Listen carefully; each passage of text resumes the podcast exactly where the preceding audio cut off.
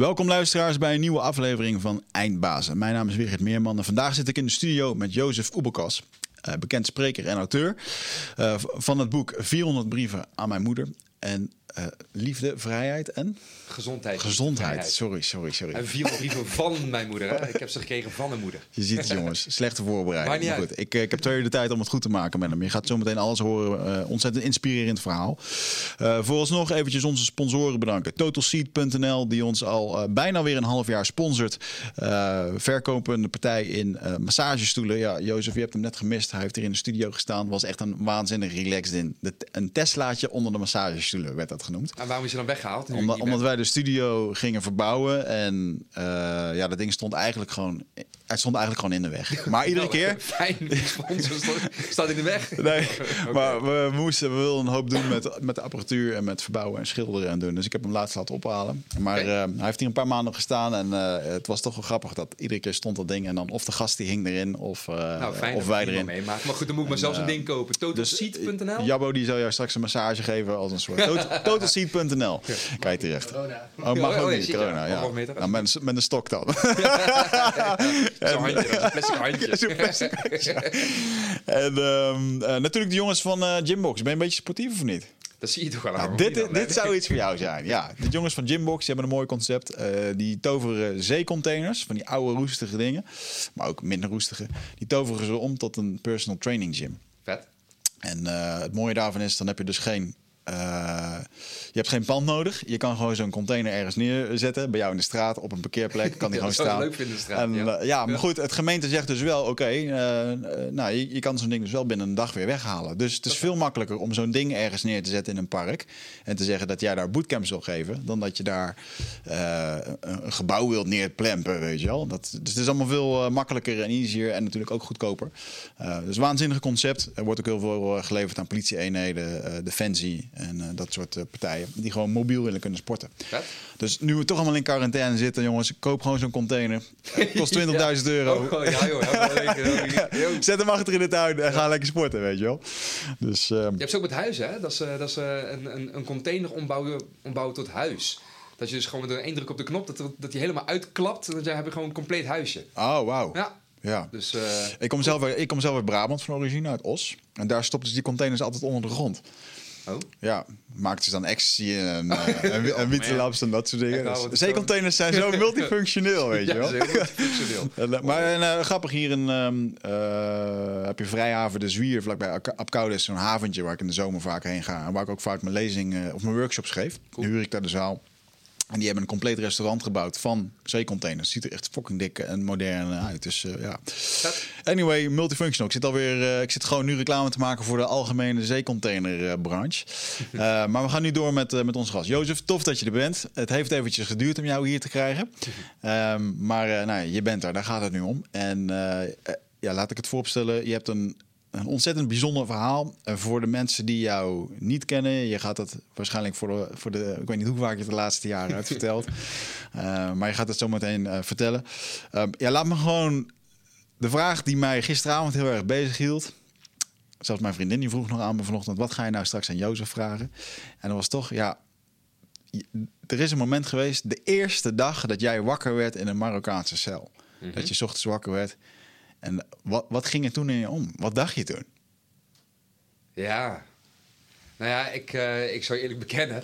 Ik werd niet eens wakker, want ik heb de eerste nacht niet eens uh, geslapen in de gevangenis. Ik, ja. uh, ik heb echt, en dat kan ik me nog zo goed herinneren, als de dag van gisteren, als de nacht van gisteren dan, dat ik daar in die overvolle cel lag met, wat was het, 30, 40 mensen, 30 vierkante meter. Vol ongeloof, echt alleen maar ongeloof. Ik had twee voeten links van mijn hoofd, twee voeten rechts van mijn hoofd. Ik had mensen boven mijn hoofd liggen aan mijn voeteneinde. Want het, uh, ja, het systeem, hoe je daar sliep op de grond, was uh, het sardine in blik systeem. Hè? Dus net als sardientjes in een blik. Als je zo'n blikje opentrekt, dan zie je daar die visjes met kop en staart om en om liggen. Ja. Om ruimte te besparen. Zo lagen wij daar, lagen wij daar. Um, en ik, ik, ik sta er alleen maar duister in. En ik was alleen maar aan het denken van ja, dit... Uh, dit overkomt mij gewoon niet. Dit gewoon, gewoon totaal niet accepteren, gewoon in totaal ongeloof zijn, niet kunnen slapen, alleen maar nadenken van ja, dit kan gewoon niet en dit is, dit is gewoon even een hiccup in mijn leven. En zometeen kan ik mijn leven oppakken en kan ik weer verder gaan zoals altijd. Ja. En ja, en dan uh, breekt die ochtend aan. Ja, en dan uh, begint het met het uh, appel, dat er wordt geschreeuwd, dat de cellen wakker moeten worden. Dat je dus op moet staan, dat de koppen worden geteld. Met heel veel herrie-kabaal. in het Arabisch wordt er dan geschreeuwd. Waqaf, waqaf, ahtiram, ahtiram. Dat betekent dat, sta op, sta op, respect, respect, toon respect. Woorden die ik toen overigens nog helemaal niet kende. Want ik sprak geen woord Marokkaans-Arabisch. Dat heb ik later uiteindelijk allemaal geleerd. Maar uh, ja, totale onwerkelijkheid. Gewoon, je wilt het gewoon niet geloven. Ja. Dat. Ja. Ja, nou ja, goed. Je hebt eigenlijk al de introductie gegeven van een, uh, van een super bizar verhaal. Want je was gewoon een uh, normaal Hollandse jongen die op zakenreis ging en in één keer eigenlijk meemaakte waar een hele, ik kan me niet voorstellen dat een hele hoop mensen die zullen die gedachten wel eens hebben gehad. Ik heb dat nog wel eens dat als ik, als ik naar Singapore ging, of je hebt af en toe van die landen waar het gewoon, waar je weet dat het gewoon zo streng is en waar dit soort spookverhalen nog wel eens komen. Ik heb nog wel eens een boek gelezen, heet geloof ik het, uh, de Bangkok Hilton, ja. van een jongen die uh, in een gevangenis zat. Die, uh, ja, die dus de Bangkok Hilton heette. Ja. onterecht ook. En echt, ja, het is me wel echt bijgebleven in mijn werkpraktijk. Maar iedere keer als ik dan op zo'n grens stond, en ze stonden daar met van die honden en met van die gasten die dan zitten te kijken. En dan, uh, ja, dan dacht ik wel eens, zou er niet nog iets van Mysteryland-achtig uh, in mijn tasje zitten? ben ik niks vergeten, weet je ja. Een beetje wiet of een half pilletje. Ja, helemaal met jouw achtergrond. uh, ja, snap meer. Ja, want dat is het grappige. Jij zegt dat nu. Hmm. Ik heb dat nooit zo sterk gehad. He, ik was altijd een beetje een soort van de goody two shoes. He. Jij komt uit Os, uit Raamsdonksfeer kom ik. Mm -hmm. He, ook een Brabantse jongen, zeg maar. En uh, ja, ik was altijd een beetje... Ja, ik had daar uh, vrienden en ik, uh, en ik kon makkelijk leren. En ik, ik, ik, ik, raadde mijn vrienden zelfs af. Sommigen die ook een beetje aan die rotzooi gingen. En dat ik zei, wat ja. doe je met je leven? Ge gebruik gewoon geen rotzooi, man. Ja. Doe dat gewoon niet. Ik heb nog nooit gerookt of wat dan ook. Dus in mijn leven kwam dat woordje drugs eigenlijk nooit echt voor. Dus ook met reizen. Ja, ik was gewoon iemand die gewoon lekker bezig was met zijn leven. Gestudeerd, eigen bedrijf. Je doet gewoon lekker je ding. Ja. En persoonlijk nooit echt ermee bezig geweest. Dus nooit over alsmaar dit of alsmaar dat. Ja, ja. Ja, ik ging dan als ik ging backpacken in Thailand, dan gingen we toch nog ergens proberen wiet scoren. Of, uh, oh, ja. ja, maar dan was dat je op zo'n onbewoond eiland. Ja, ja, ja. En die locals, wel, die locals deden het I ook. Know, en dan, ja. Zo praat je dat voor jezelf goed. En, ik, en, ik, en ik zie ook heel erg goed in hè, dat als, als die agenten zo'n slechte dag hebben en ze zien een paar van de toeristen, wat waarschijnlijk nog steeds aan de lopende band overal gebeurt. Uh, en, en dan op een gegeven moment kan je echt gewoon zo ontzettend de lul zijn waar je niet bij nadenkt. Uh, maar goed, dat was sowieso dan jong en stommiteit. Maar bij jou was het ook echt gewoon dom pech. Dus ja. weet je, ik, la, laat ik het gewoon, ja, ik laat het gewoon even, ik ga het gewoon even vragen. Vertel het verhaal gewoon, weet je. En, Ja, ik zal het, ja, en dan gewoon, gewoon even in in het kort, en- ja. Ik, ik, ik was toen destijds 24. eh, eigen IT-bedrijf. Ik heb hoge informatica gestudeerd. Eh, nogmaals, alles ging maar gewoon prima af in het leven. Gewoon tegenslag. hè. Ik als Brabander zeg altijd, best daar tegenslag, gewoon helemaal niet. Ehm, nou, tot dus die eh, bewuste dag, hè, die 23 december 2004. Ehm, mijn vader is Marokkaans, mijn moeder Nederlands, eventjes tussen haakjes. Hè, wel gewoon geboren, getogen hier in Nederland. Maar wel met Marokkaanse roots natuurlijk. En ehm, ja, goed, voor Marokko zat ik dus ook gewoon één week voor een Nederlands bedrijf daar om gewoon eh, controlewerkzaamheden uit te voeren, kwaliteitscontroles. eh, iets eigenlijk wat gewoon een hele leuke bijkomstigheid was. Hè? Waar Ja. sommige mensen een soort van vraagtekens bij hebben. Van ja, hè, waarom, waarom deed je dat dan? Zei, Ja, waarom deed ik dat dan? Eh, je bent jong en eh, dit werd me gewoon aangeboden. Eh, leuk, weet je wel, reizen, het land beter leren kennen. Ik had gewoon echt de tijd van mijn leven. ja, Dus ehm, ja, nogmaals, ik heb er echt een jaar met heel veel plezier gewerkt. En nooit me van kwaad bewust. In de zin van leuke collega's, leuke mensen, ook in Marokko, gewoon super lieve mensen. Ehm, ja, en dat is uiteindelijk die ene bewuste ochtend totaal omgeslagen. Dat ik dus weer voor mijn werk in Marokko zat. Ehm, mijn ronde begin. Ik moest allerlei bedrijven iedere keer bezoeken om te kijken, eh, erop toe te zien wat gaat goed, wat gaat fout. Hè, dat moest ik dan terugkoppelen naar het Nederlandse bedrijf. Ik was dus zeg maar de ogen van het bedrijf. En eh, nou, die donderdagochtend, ik zit weer in mijn bedrijfsauto. Een dag als iedere andere dag. En ik kom 's ochtends vroeg aan bij een van die bedrijven. En ik zie ja, allerlei mensen in uniform. Ik zie politieauto's staan, zwaailichten. En rennende mensen, huilende mensen, mensen met shotguns, pistolen. Echt een soort van scène uit de film. Dat ik ook echt dacht van, ja, wat is hier aan de hand? Ik wist het gewoon niet. Ik wist het gewoon echt niet. Ja, weet je wel, ik ga wel vragen wat er aan de hand is. Dus ik parkeer mijn auto, ik stap uit, loop naar de poort toe, wurm mij tussen al die politieauto's in met zwaailichten. En ik uh, sta er gewoon te zwaaien om de aandacht te trekken hè, van de mensen in uniform. En uiteindelijk, na een paar minuten, zagen ze me, want ze waren zo druk bezig met alle mensen te verzamelen. Mhm. Komt er een zo'n man naar me toe, zo'n douanier, met een shotgun in zijn handen. En die vraagt uh, op strenge toon, in het Marokkaans: Wie ben jij en wat moet jij hier? Maar ja, ik verstond dat Marokkaans niet. Dus ik zeg gewoon uh, in het Frans, ervan uitgaande dat hij dus vraagt naar wie ik ben. En ik zeg in het Frans uh, dat mijn naam Joseph is. En ik kom uit Nederland, ik ben hier voor mijn werk. Ik wil weten wat er aan de hand is. en dan hoort dat ik uit Nederland kom, ik moest meekomen. En mij werd een, uh, ja, op locatie, op het parkeerterrein van het bedrijf, werden mij twee bussen getoond, vol met drugs. Bijna 8000 kilo uh, hash. En uh, nog steeds van geen kwaad bewust, want ik zeg nog letterlijk zo, dat is aardig wat. En nu, wat gaat er nu gebeuren, vraag ik. Er wordt mij verteld, dat zijn we aan het uitzoeken. En toen moest ik uiteindelijk meekomen naar het politiebureau. Ik werd ondervraagd. En nogmaals, ik vond het best wel spannend. Net als in de films, in de series. Weet je, ik ben nog nooit in aanraking geweest met justitie. Maar ik doe net als in de films. En echt nadenken, antwoord geven op alle vragen. Want ja, dan kunnen ze meer onderzoeken. Dat was mijn veronderstelling. Maar uiteindelijk moest ik blijven. Hmm. Want ze vonden het verdacht dat ik zoveel uh, stempels had in mijn uh, paspoort. En dat uh, werd uiteindelijk een jarenlange gevangenschap. Wauw. Ja. Had je niet verwacht? Nee, in mijn wildste, bizarste, grootste nachtmerries nog niet eens. Ja. En je hebt uiteindelijk zes jaar in de gevangenis gezeten? Nou, uiteindelijk van 2004 tot en met 2009. Ik heb tien jaar celstraf gekregen. Want uh, het sterkste punt wat zij hadden was dus mijn paspoort met die vele stempels. Ze vonden het verdacht dat ik zoveel reisde. Ze vonden het verdacht dat ik uh, 22 inreisstempels had tegenover 17 uitreisstempels. Want iedere keer als je naar Marokko gaat, krijg je een stempel als bewijs van binnenkomst mm. hè, bij de douane. En een stempel dat je weg bent gegaan. En ik had ontbrekende uitreisstempels. Dus zegt de rechter: Ja, dat is voor ons bewijs dat jij vaker smokkelroutes hebt genomen. Je bent niet altijd via de douane naar huis gegaan.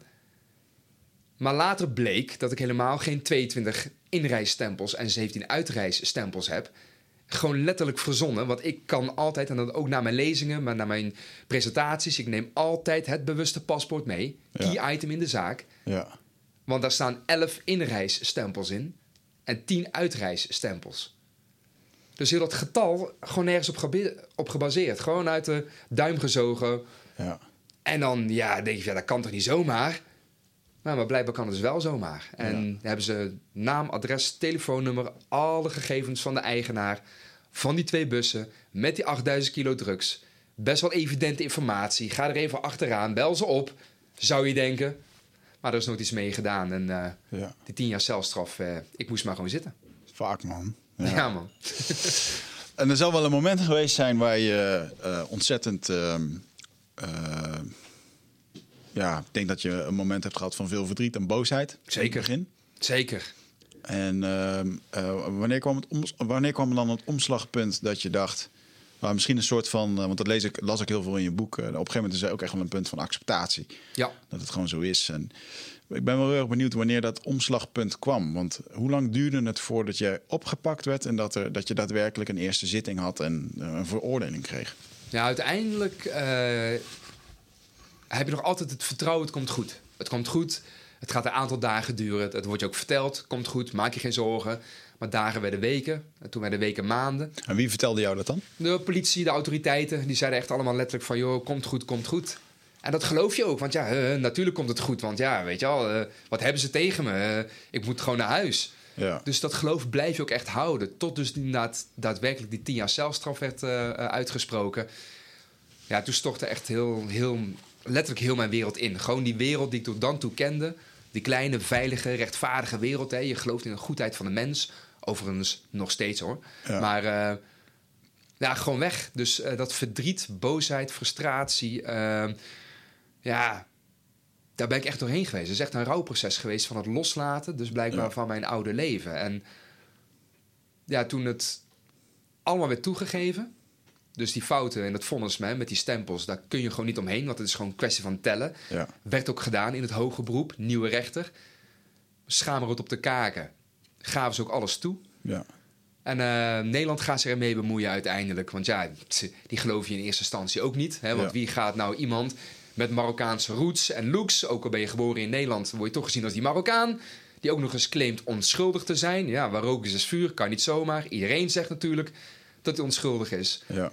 Ja, dat zijn allemaal van die ja, eh, stempels waar je mee te maken krijgt. Ehm, maar uiteindelijk gaat Nederland zich er toch mee bemoeien, omdat het zo bizar was wat er in mijn vonnis stond. Het sloeg letterlijk nergens op. En dat hun eigen vertrouwensadvocaat ook letterlijk zei van... ja, deze jongen die verdient niet eens een bekeuring. Ja. moet gewoon naar huis, die moet daar weg. Doe Ja. je best, want dit mag gewoon niet. Ja. Ik hoop dat er recht wordt gedaan in deze zaak. En alles er toegegeven, maar die tien jaar lieten ze toch staan. Interesseerden ze helemaal niks. En mensen, nogmaals, vooral hier in Nederland... altijd krijg je nog de vraag... ja, maar dat kan toch niet zomaar?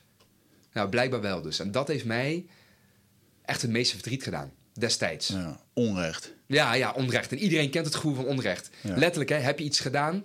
Weet je wel, ik ben zo resoluut, hè. Kon branden blaren zitten. Wees dan ook een vent. Of een vrouw, hebben ze zo gezegd. Ja. Maar, eh, sorry. Ehm, ja, dit mag gewoon niet. Ja. Kan gewoon niet. Dus dat omslagpunt kwam wel voor mij naar die tweede keer tien jaar celstraf. Dat het zo ongeloofwaardig was. Dat alles werd toegegeven. Dat ik niet eens meer een traan kon laten. Om die uitspraak. Want het was gewoon te belachelijk voor woorden. Ja. En ik Ja. heb ook geen traan meer gelaten. Ik heb mijn moeder nog gebeld vanuit de telefooncel, vanuit de eerste gevangenis. Ik zei: Mama, ik kom niet naar huis. Ik moet hier die tien jaar blijven. Maar maak je om mij maar geen zorgen.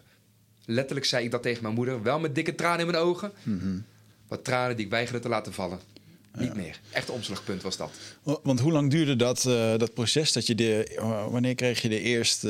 werd je dan gehoord of kreeg je gewoon direct een zitting waarin je werd veroordeeld? En hoe lang, Ja, nee, je, je wordt, dat, eh, het, is, eh, het is een heel, heel mooi circus, ben ik later achtergekomen. Je krijgt een advocaat, je wordt gehoord, althans dat denk je. Het gaat allemaal volgens de boekjes, want ze zijn daar wat dat betreft gewoon heel slim in. Dus het recht wordt volgens de boeken nagestreefd. Ja. Want ze zijn officieel natuurlijk een soevereine staat. Maar het is gewoon één grote poppenkast, ben ik Ja. achtergekomen. Ja. Het, was al, het was al lang beklonken. En uiteindelijk ja, weet ik dat het tot en met de Russische maffia gaat. Het gaat om 8000 kilo, niet om een paar kilo. Hè. Ja. Hey, er zitten gewoon hele grote jongens achter. Nogmaals, ik zei net, naam, adres, telefoonnummer, alle gegevens hadden ze. Blijkbaar zijn ze ook gewoon gebeld. Maar die mensen weten waar ze mee bezig zijn. Weten hoe het systeem in elkaar zit. Ja, die zeggen met hun diepe zakken, wat kunnen wij doen, zodat wij buiten beeld blijven. Ja. En dan was ik gewoon een mooie, ja, weet ik veel, een mooie aanvulling, een leuke jus. Ja. Weet ik, ik weet het ook niet. Gewoon een corrupt systeem waar eh, een paar agenten dachten... hier kunnen we... Ja. Ja, of rechters man. of iets. En dat blijft allemaal giswerk. En ik heb dat uiteindelijk losgelaten, want ik wil het niet eens meer weten. Want daar Nee. ligt mijn geluk niet meer. Nee. Dat wilde ik in het begin heel erg weten. Wie, wie heeft dit mij aangedaan? Want het is dat gevoel van redemption, weet je wel. Je wilt Ja. gewoon eh, die rechter alles aandoen. En dit mag gewoon niet. En eh, dus, dus dat proces, ik ben er echt doorheen geweest. Het heeft een aantal maanden geduurd. Ja. Maar uiteindelijk ja, kwam toch het inkeren van, weet je wat hè? Ik weet hoe het zit. Ik weet van mijzelf Ja. hoe het zit bij mijzelf. Ja. En de mensen die mij kennen, die van mij houden, die snappen het. Iemand met een beetje gezond verstand, waaronder dus ook de Nederlandse staat, weet hoe het zit. En dat gaf me wel, eh, ja... Heb ik gewoon mijn geluid uitstaan, hè? netjes hè. Ja, jouw boy bent ontslagen. Ja, dat was de laatste keer. You're fired, Maar goed, we doen onze best om in ieder geval een leuke laatste keer voor jou te maken. Super irritant. Maar Geniet ervan. ehm, Geniet ervan. Maar, nee, eh, dus, dus ja, uiteindelijk, sorry. Ehm, ja, dus ehm, na die tweede keer tien jaar celstraf kwam al heel snel het inkeren van... oké, dit wordt dus mijn leven. Ja. En dat ga ik inrichten. En ik ga straks deze gevangenismuren verlaten, opgeven hoofd als winnaar. Dat werd mijn focus, dat werd mijn visualisatie. Dat gaat gebeuren. Ja. En ehm, eh, je kwam dan in een gevangenis die volledig onbekend is. Eh, toch enigszins, nou ja, laten we zeggen, de gevangeniscultuur is sowieso anders. En ehm, eh, hoe, hoe werd je dan ontvangen in die gevangenis? Waren er daar bijvoorbeeld al wat gevangenen die er wat langer zaten, die zagen dat jij het moeilijk had? Hebben die zich een beetje ontfermd over jou? Of, eh, Nou, hoe heet dat? Eh, ik beschrijf natuurlijk in mijn eerste boek Hoofdchef Nordin. Dat, is, eh, dat was de, de grote baas van de eerste gevangenis. Man, groen legerpak, eh zo'n groen petje van die zware kisten. Had een hele strenge blik in zijn ogen. Eh, iedereen had ook echt ontzag voor hem, want die zware, ja, die zware zwarte kist die had hij niet voor niks. Want het ging er soms echt hard aan toe. Dat sommige jongens echt gewoon, ja, je moet je voorstellen, met littekens in het gezicht, halve tanden. Echt, uh, ja, echte straatjongens, echte kwajongens. Mm Ja, die werden soms echt gewoon licht uit de ogen geschopt, letterlijk. Als er gewoon niet werd geluisterd naar hoofdchef Nordin. En uh, ik vond het soms er heel hard aan toe gaan. En ik heb hem zelfs een keer gevraagd van, goh, waarom moet het zo hard? En dat hij mij toen vertelde van, ja, weet je wat, ik vind het ook niet leuk om te doen. Maar dit is mijn wereld. Ik ken die jongens.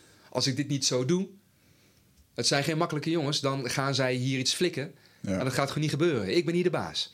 Nou, dat liet hij wel, uh, wel stellen. En hoofdchef Nordin, met wie ik vandaag de dag nog altijd bevriend ben. Ik heb hem twee keer in Nederland uh, ook weer ontmoet. Is hier naartoe gekomen. Heeft ook familie hier in Nederland.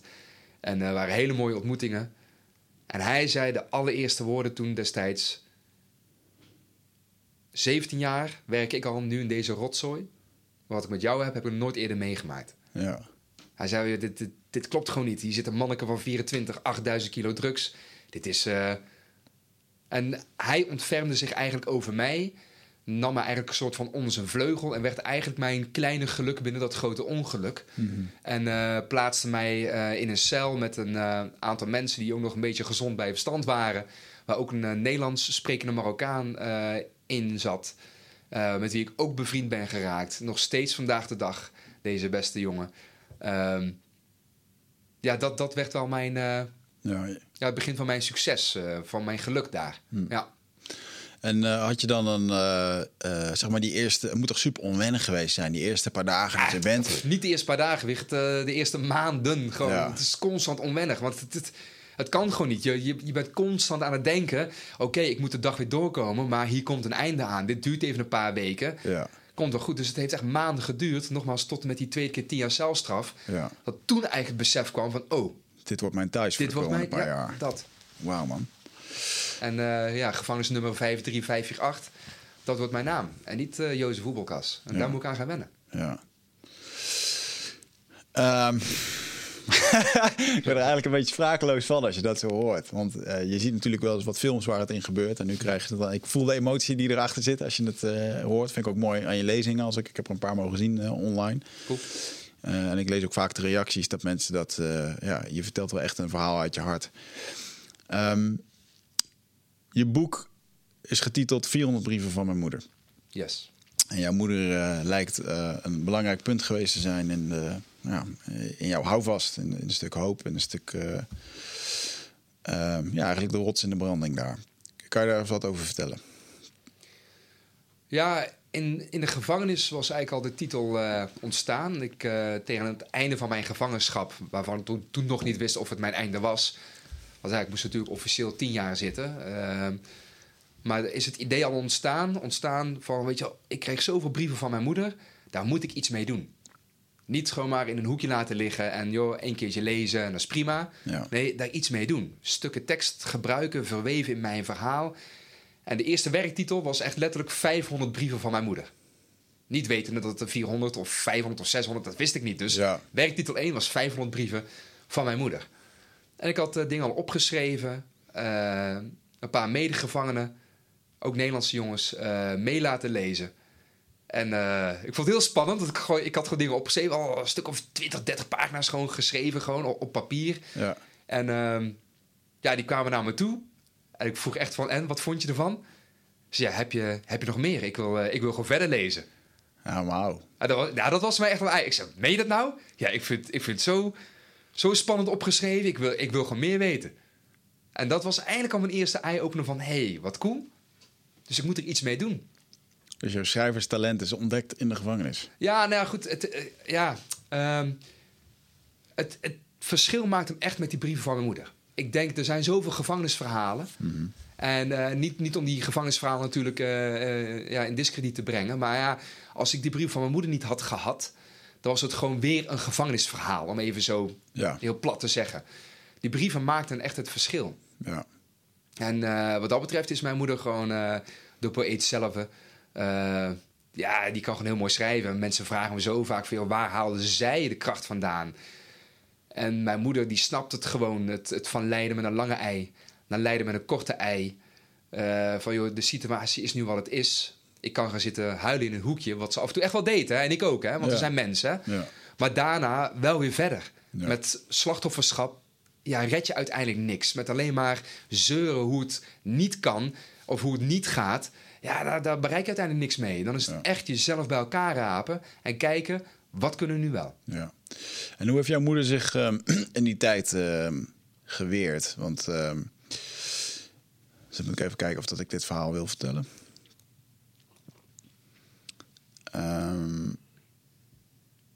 Nee, vertel ik nu nog niet. Maar in ieder geval, het gaat over. Oh. ik snap hoe een moeder zich zorgen kan maken over, eh, over dit, soort, eh, dit soort zaken. En ehm, dat moet ook heel erg machteloos, machteloos geweest zijn voor haar. Toch? Want op een gegeven moment, eh, met wie had zij contact? Ja, met iemand die dan eh, eh, gevangenen vertegenwoordigt in de gevangenis voor het land Nederland. En is dat een soort tussenpersoon? Of kon je wekelijks met haar bellen of, of schrijven? Wat was haar manier om, om een beetje vaart in jouw zaak te blijven? om, om bijvoorbeeld invloed op te krijgen? Of om, Ja, ja. nou goed. Mijn moeder was natuurlijk, weet je wel, het, het gaat om haar kind. Ik snap nu pas, hè, jij hebt een dochter van twee. Eh, ik heb een eh, zoontje nu van eh, vijf en een halve maand. Ehm, nu pas begin ik mijn moeder en ook Ja. mijn vader steeds beter te begrijpen. Ja. Nu pas begin ik te snappen wat onvoorwaardelijke liefde echt is. Want je blijft gewoon met je poten van mijn kind af. Ja.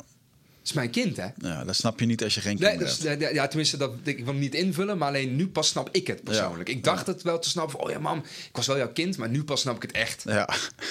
Want echt, weet je wel, mijn kleine, dat is, ja, weet je wel, dat is mijn kleine. Dat... En ehm, ja, mijn moeder was wel meteen gewoon strijdlustig in de zin van, hè, dat was al meteen in die eerste brieven, meteen van, weet je wat, het is nu even wat het is.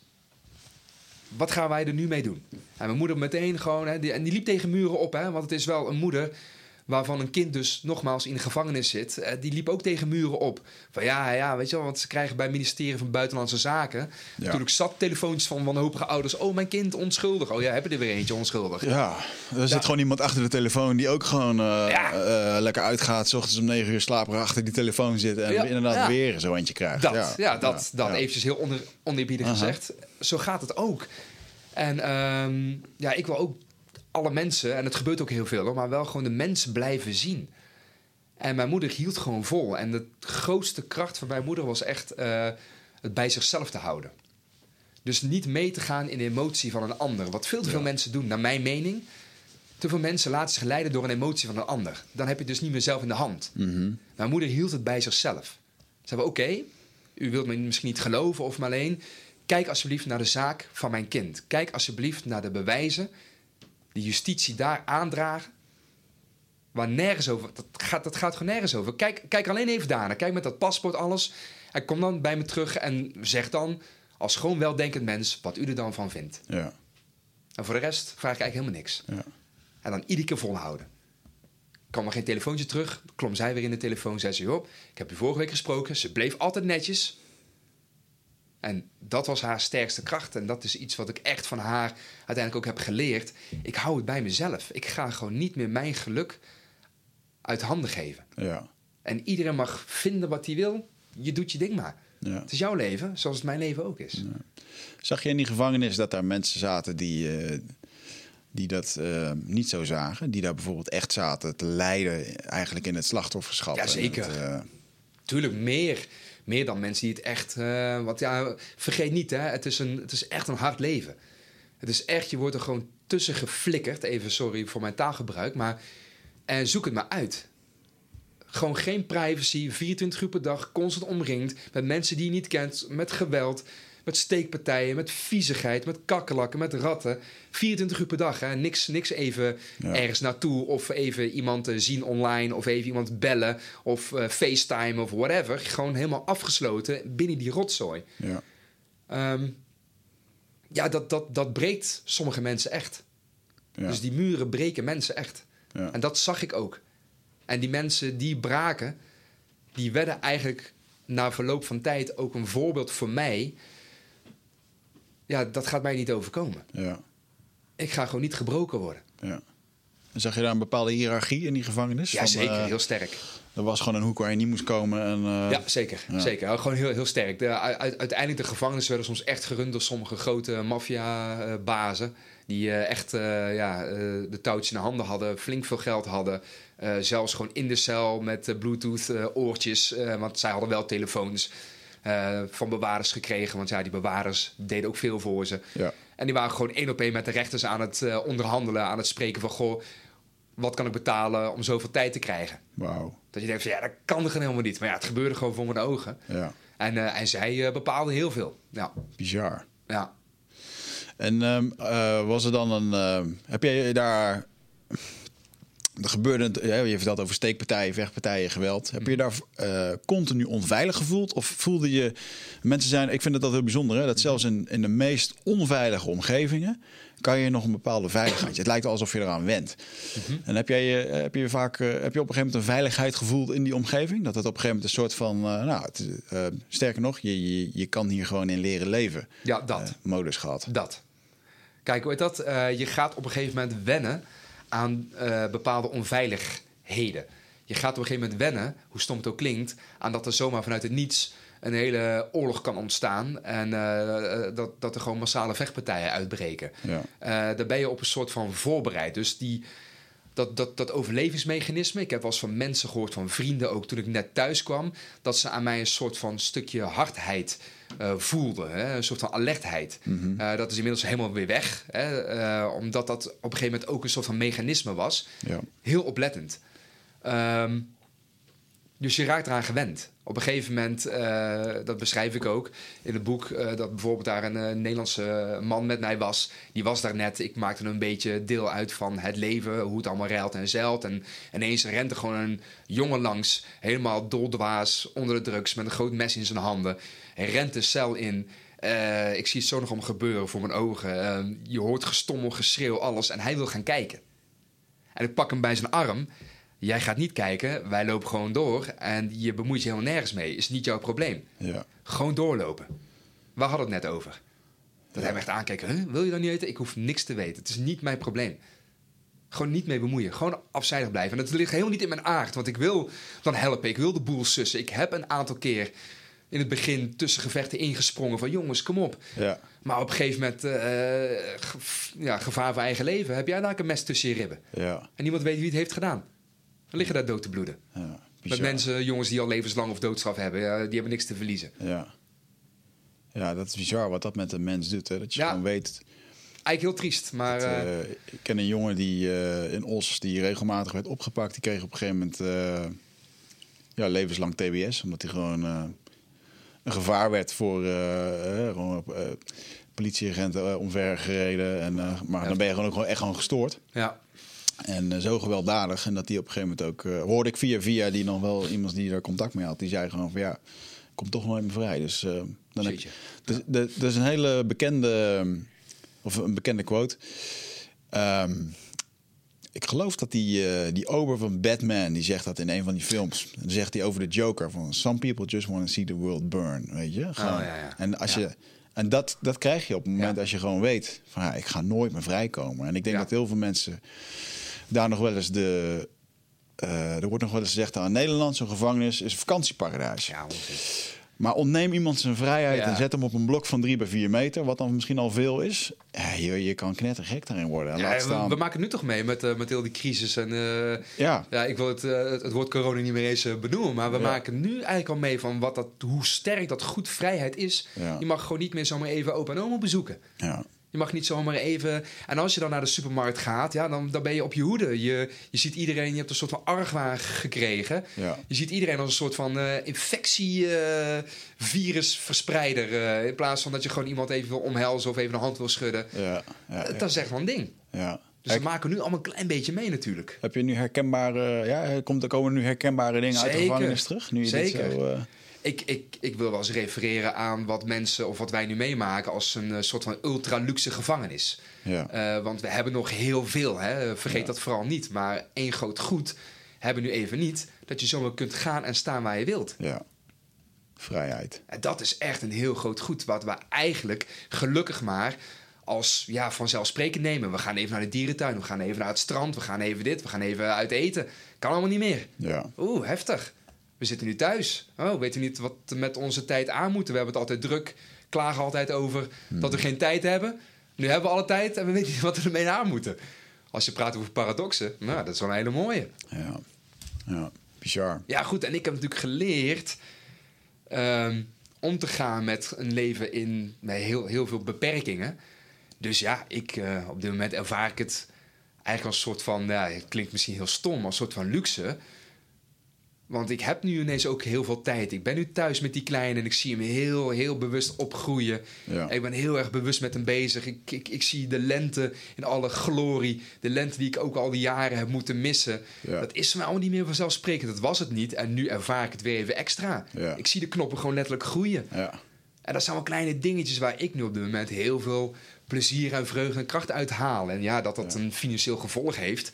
En dat iedereen financiële gevolgen nu ondervindt. Ja, dat is logisch. En dat is niet leuk. Absoluut niet. Want je leven zoals je het kende wordt ook een beetje... Nou, hij wordt enorm aangetast. Ja. Ja, anderzijds denk ik wel dat het goed is. Ik, ik woon zelf hier eh, in de weilanden, lekker op een boerderij. Dus, en wat jij nu zegt van eh, dat je de knoppen aan de bomen ziet hangen. Daar kwam ik eigenlijk pas achter toen ik uit de binnenstad van Amsterdam daarheen verhuisde. Mhm. Dat je iedere dag reed dan toch nog opnieuw naar de stad, want ik moest wel dingen doen. Ja. Dat je dan op een gegeven moment inderdaad, hey, je ziet alles gewoon veranderen. En dat heb je in de stad. Gaat het leven zo snel, dan Ja. denk je, ah, dan, dan, dan komt het gewoon niet zo binnen. En dus ik denk dat dat wel ook een hele. Het positieve ding hiervan is dat een hele hoop mensen worden gedwongen om eens een beetje slow the fuck down, weet je wel? Ja, maar, maar alleen dan de kentering is wel weer dat mensen gewoon dan even niet meer weten wat ze met hun tijd aan moeten. Ja, Dat, dat, dat, dat- daar sta ik wel van te kijken. Ik snap het wel, hoor, want we zijn natuurlijk geïndoctrineerd door het systeem van meer en meer en meer. Het moet alleen Ja. maar meer. En je wordt gejaagd door het systeem, want ja, het systeem hier is wel op gericht om rekeningen te betalen. ja. Je moet 100%. overleven, want als je geen rekeningen betaalt, dan krijg je aanslagen, dan, krijg je, dan worden dingen van je afgepakt, wordt je huis van je afgepakt, eh, gezinnen gaan aan de knoppen. Dus Ja. alles is erop gericht om maar meer, meer en te betalen. En als het ineens wordt weggenomen, ja, Ja, plus het feit dat eh, ik denk dat een hele hoop mensen nu met zichzelf worden geconfronteerd. Jazeker. Want eh, de verdoving hè, van, van de pijn of van de angst of waar we niet naar willen kijken, Ja. of naar de rotzooi, die zit hem ook in hard werken en veel Zeker weg zijn. weten. En, Ja. ontsnappen. En ehm, ja, dat- nogmaals, met het ontsnappen. Hè, dat is ook wat ik dus ook zeg. Net als met een gevangenis, er was gewoon geen ontsnappen aan. ja, Je wordt er nu even keihard mee geconfronteerd. En dan krijg je mensen die het gewoon absoluut niet willen. En verder in de bodem raken. ja, Maar je krijgt ook heel veel mensen die nu dit zien. En denken van, hé, hey, het is nu wat het is. Wat Ja. ga ik ermee doen? ja, Dat zijn de creatievelingen. Dat zijn de visionairen. Eh, wat ik constant doe, visueel maken. Wat ik altijd deed in de gevangenis toen ik thuis kwam. ja, Ik maak dingen visueel. Kijk ik terug straks op deze periode als zijnde... oh, wat was het erg en we zaten thuis, we konden nergens naartoe. ja, Of kijk je straks terug op een periode die je waarschijnlijk nooit meer zult vergeten... waar ik mijn kind straks over kan vertellen... dat hij gewoon aan het keren was in de box met zijn blije bakkesje... en dat hij gewoon geen notie had van wat er allemaal in de wereld eh, gebeurde... maar dat zijn blijheid gewoon mij gewoon weer heel erg blij maakte. En hoe mooi is dat? Gewoon puur. De laatste kaarten zijn beschikbaar voor het Rite of Passage Retreat op 24, 25 en 26 mei. Ben jij erbij? Het is een volgende stap in je persoonlijke groei. Eh, een weekend waarbij de belofte is dat het een tikkeltje oncomfortabel gaat worden. Maar daar ligt natuurlijk wel gewoon de groei om meer helderheid te krijgen in je leven. Om uit je hoofd te komen, in het lichaam. ehm, achter te laten wat je niet meer dient. En om echt de volgende stap te maken door de oude patronen te doorbreken, te doorzien, te doorvoelen en, en te helen. En daarvoor wil ik je heel graag uitnodigen. Eh, en ik hoop dat jij een van die laatste bent die nog aansluit bij het Rite of Passage Retreat. Ga naar wichertmeerman.nl, klik op Retreat en ik zie je daar. Eh, En dat visu- visualiseren is natuurlijk een, eh, is een van de kernpunten die vrijwel in ieder persoonlijk leiderschapsboek eh, beschreven Ja. staat. Is dat iets wat jij daar, eh, had jij daar Napoleon Hill gelezen in de bak? Of was, Nee, was dit ik- iets wat gewoon ontstond uit de Ja, frustratie van? Leuk dat je Napoleon Hill, want ik heb die toen vaker gehoord. Trouwens, bij thuiskomst, hè, want ik heb wel veel boeken gelezen in de gevangenis, maar ook daarna. En Napoleon Hill heb ik toevallig twee jaar geleden gelezen. Ook echt over de visualiseren. Dat vond ik wel mooi. Heel veel herkenning. Ja. En dat gaat dan nat- natuurlijk wel enorm over echt het materialisme, hè, echt het geld. Hè, visualiseren dat je 250.000 euro gaat verdienen of zo. En dat is heel mooi, want het kan echt werken. Ehm, dat heb ik niet zo. Ik ben niet met bedragen bezig. Ik ben wel met het leven bezig. Hoe wil ik straks terugkijken op mijn leven? Ja. En eh, ja, dus dat soort boeken. Ja, ja, ik lees het en ik zie heel veel herkenning. Ik ben nu met dat derde boek bezig. Ja, daar zal heel veel herkenning in eh, voorkomen. Maar ik wil alleen maar laten zien dat ik het doe op die manier. En dat het blijkbaar werkt. Ja. Dat ik nu weer een heel fijn onafhankelijk leven heb. Nadat ik thuis kwam met geen ene rode rotcent. Ik had niet eens één cent in mijn zak en kreeg aanmaningen binnen. En ik moest de rekeningen betalen, maar ik had geen geld, zei ik. Ja. Ja, maar ja, je moet toch eh, leven? Ja, ik leef, maar ik woon bij mijn moeder thuis in een rijtjeshuis. En eh, mijn moeder gaat naar de Jumbo en koopt brood en kaas en dat eet ik, dus ik leef. Ja. Want ik was alleen maar met dat boek bezig te schrijven op het kleine kamertje bij mijn moeder thuis. Ja.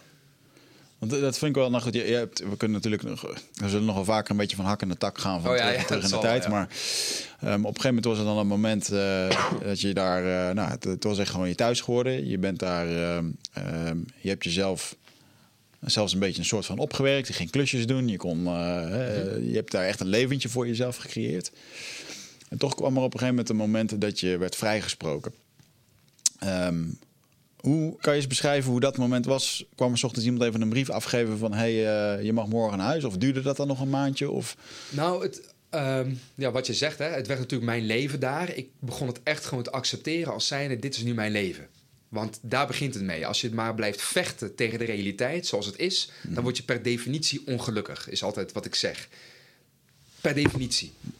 Ehm, dus nogmaals, het is een proces geweest. Het kost even tijd. Ook wat we nu allemaal meemaken, dat kost gewoon even tijd. Dat kan niet van de een op het andere moment. Wanneer eh, die acceptatie kwam, deze gevangenissen zijn nu mijn leven. Dat is een harde realiteit, dus wat doe ik daarmee?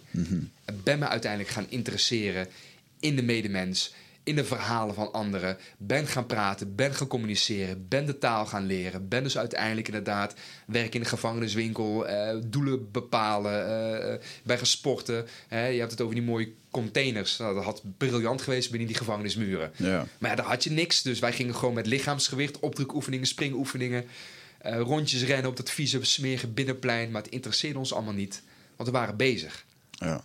Als vertaler gewerkt voor de directeur, uiteindelijk mijn eigen gevangenistuin, Engelse les gegeven. Enfin, het werd mijn wereld. Ja. En ik weet nog zo goed, en ik weet nog heel veel dingen natuurlijk heel goed, want ik hoef er niet eens over na te denken, want ik ben er dan, dat ik weer voor een vertaalklus naar de directeur ging. Ehm, en dat wij gewoon werd verteld vanuit de kamer van de hoofdbewaarders: Joseph, zo, ik word geroepen. Dus ik ga naar die kamer toe. En ze zeggen: Ja, gewoon heel doodleuk. eh, ja, je gaat zo meteen eh, terug. Ja, maar ik moet, ik moet nu naar de directeur om eh, te gaan vertalen. Nee, nee, dat ga je niet doen. Zo, hoezo niet? Nee, omdat buiten staat de transferbus staat klaar. Nou, echt. Ja, ik voel mijn hart gewoon heel hard kloppen. Want het is echt vanuit het niets. Het is mijn leven. Ik had, ik had mijn planning. Ik, moet, ik, ga zo meteen sporten met de jongens. Straks Engelse les. Eh, Pipi de Poes had ik natuurlijk. Hè. Ik bedoel, ik ben een eh, kattenmens. En ik heb dan 2,5 jaar voor die eh, kat mogen zorgen. Vandaar ook de cover van het boek uiteindelijk.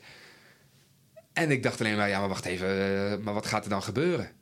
Dus ja, jij gaat nu terug naar je cel. Je gaat op je gemak je spullen pakken. Je gaat afscheid nemen van je vrienden, van de mensen. Daarna van ons hier. En dan ga je naar Casablanca gevangenis. En toen... Want ik dacht echt, ja, ik ga nu naar huis. Maar huh, Casablanca gevangenis, maar wat gaat er dan gebeuren? Ja, dat weten we niet, zeiden ze. Dat vinden we ook jammer. We, we- we willen het je graag vertellen. We hebben alleen hier de opdrachtbrief. Gevangenen 1, 2, 3, 5, 9. Jozef Voetbalkas moet nu naar Casablanca gevangenis. Nou, toen zakte de moed wel echt enorm in de schoenen. Van, nee ja, Ja. moet ik weer opnieuw gaan beginnen. Weer in een nieuwe gevangenis. Maar ja, je hebt gewoon geen keuze. Dus het was heel snel schakelen. Eh, maar wat ik zo mooi vond... Normaal gesproken, als een transferbus klaar staat... dan moet je echt binnen een minuut je spullen pakken... want hij staat te ronken. eh, je moet pronto weg, weg, weg, weg. Ja. Maar zij zeiden echt tegen mij, dat, dat, dat raakt me nog steeds. Want ja, nogmaals, hè, ik, ik, ik kende ze al een aantal jaar. Die bus wacht op je en wanneer jij klaar bent, dan eh, vertrekt de bus. Wauw. Nou, is echt, dus ik heb echt een half uur de tijd genomen om eh, iedereen eh, te roepen. Een aantal jongens zelfs bij elkaar geroepen. Ik zie ons nog als een soort van voetbalteam in een kring staan. En ik was een beetje moed aan het inroepen bij die gasten. Van kom op, weet je wel, ik ben nu weg. Maar weet je, dat wat ik hier wil achterlaten is vooral jij bepaalt jouw leven. Dat hangt niet af van iemand anders. Doe het. En eh, ja, dat was wel echt wel mega emotioneel. Ik moest toen ook Piepje de Poes achterlaten. Ik zie haar nog, weet je wel, en ze miauwde nog eventjes. Ze dacht van, ja, weet je wel, die krijgt zo meteen eten en dat kon er gewoon niet meenemen. En dat, uh, ja, dat, dat doet me nog steeds wel wat. Ja. ja. ik moest mijn spullen pakken, die pakte ik en die transferbus in en op naar het nieuwe avontuur. Mm -hmm. En waar, waar eindigde dat nieuwe avontuur? Ja, ja, uiteindelijk dus eerst in die Casablanca gevangenis. Mhm. Ja, dan is onwerkelijk weer. Je zit in zo'n bus, in zo'n transferbus met de boeien om. En uh, je wordt overgeplaatst onder begeleiding, zwaailichten. En dan kom je zo'n gevangenis binnen. Casablanca, de grootste stad van uh, Marokko. Dus ook de grootste gevangenis van Marokko. Acht grote flatgebouwen waar kleren zooi uithangen uit alle tralies. Het is echt... Je denkt echt, waar ben ik nu weer beland? Maar ja, ik was het gewend en ik dacht van ja, ik laat maar over me heen komen en ik ga maar kijken wat er gaat gebeuren. En uh, ik werd daar in een uh, groentjesruimte weer gezet. Dan moet je gewoon wachten totdat je wordt opgeroepen. Ik, ligt er met mijn, ik zit er met mijn spullen. En ik weet nog dat in die groentjesruimte achter de tralies allemaal jongens stonden. En net als in de films, hè, ze gaan je uittesten. Ze gaan je echt gewoon, weet je, pss, en ze gaan aandacht trekken en dit en dat. En ze dachten natuurlijk dat ik een van de nieuwelingen was. Ja. Maar ja, wist niet dat ik inmiddels al een uh, aantal jaren erop had zitten. In mijn onvervalst Marokkaans-Arabisch wat ik had geleerd. Vertelde ze ik ook gewoon heel droog van ja... Niet wat je allemaal zit te zeggen en zit te ps. Maar uh, ik ben dus heel erg onder de indruk. Ik kom net van Rabat vandaan. En daarvoor zat ik in Taza, daarvoor zat ik in uh. Ik zit er al sinds 2004. Dus ik snap het allemaal wel. Dus niet onder de indruk. En ik heb hier tien jaar, dus ik moet nog even. Dus laat me rustig alsjeblieft... Ja. Oh, oh, oh, sorry, nee, wist u niet dat je... Nee, is goed man, is goed man. ja, je hoorde er al een soort van bij. Ja, ja, dat is heel gek. Ik weet dat, ik, ik snapte ook dat die tien jaar, dat ik er echt mee kon schermen. Want dan, dat is toch wel een serieuze tijd. Dat mensen echt een soort van uh, respect ook wel hebben dan of zo. Van oké, okay, tien jaar, oké, oké, okay, weet je wel. Ja. Dat is cool. Bizar, hè? ja. En, waarom, en dan vraag ik me af, waarom hebben ze dan respect voor het feit dat je die tien jaar hebt... en daarom misschien wel dus een soort van zware jongen zou moeten zijn Ja. om dat te krijgen? Soort van gevangenisstatus. Ja. Ja, en helemaal. Weet je, ik was in het begin me enorm aan het verdedigen. Weet je, 8000 kilo drugs. Maar ik was het niet, ik heb het niet gedaan. En, en dan zag ik die medegevangenen al kijken. Oh jee, ja. ja. Op een gegeven moment had ik echt zoiets, ja, weet je wat? Eh 8000 kilo, dat is mijn motief. 8000 kilo drugs. En hoeveel had jij? zeg ik dan. Ja. Ja, ik, had, ik liet het op een gegeven moment los. Want ja, weet je wat? Ik ga me toch niet iedere keer weer verdedigen. Ja. Ja, vermoeiend. Als je me niet wil geloven, geloof me niet. Joh, dit is mijn motief. Ja, ik had er niks mee te maken, maar ja, goed. Heb je andere gevangenen ontmoet die ook uh, echt voelden dat ze onschuldig daar Ja, ja, veel. Veel. Ik, uh, ik was ook altijd iemand met best wel zwart-wit denken. Hè? Ik was ook iemand, nogmaals, nooit in aanraking met justitie. Ik zag ook die films in de gevangenissen. Weet je wel, Shawshank Redemption. Uh, wat een heftige film is dat. Het zal je maar overkomen. Ja. Ja, en toen overkwam het. Ja, onwerkelijk nogmaals. Maar ja, op een gegeven moment, je raakt in gesprek met mensen. En je voelde echt bij sommige mensen gewoon echt een bepaald soort echtheid, een bepaald soort verdriet. En dat was heel herkenbaar. En als ze mij dit als Nederlands staatsburger kunnen aandoen, ja, hun eigen volk kunnen ze van alles aandoen. Geen haai, uh, haan die een krijt. Ja. Dus ja, ik, ik geloofde ze, want ja, als ze het mij al aan kunnen doen, dan kunnen ze jou helemaal aandoen. Ja. Maar je proefde dat. En mensen die echt, echt, echt onschuldig waren, die bleven ook bij hun standpunt. Dat, dat, dat merkte je gewoon. Terwijl sommigen, ja, ik heb niks gedaan, maar uiteindelijk ja, vielen ze toch door de mand. Ja. Want je houdt het gewoon niet vol. Ja, bizar man. Jij noemt net uh, Rabat. En uh, ik ken iemand die in die gevangenis heeft gezeten. Mm.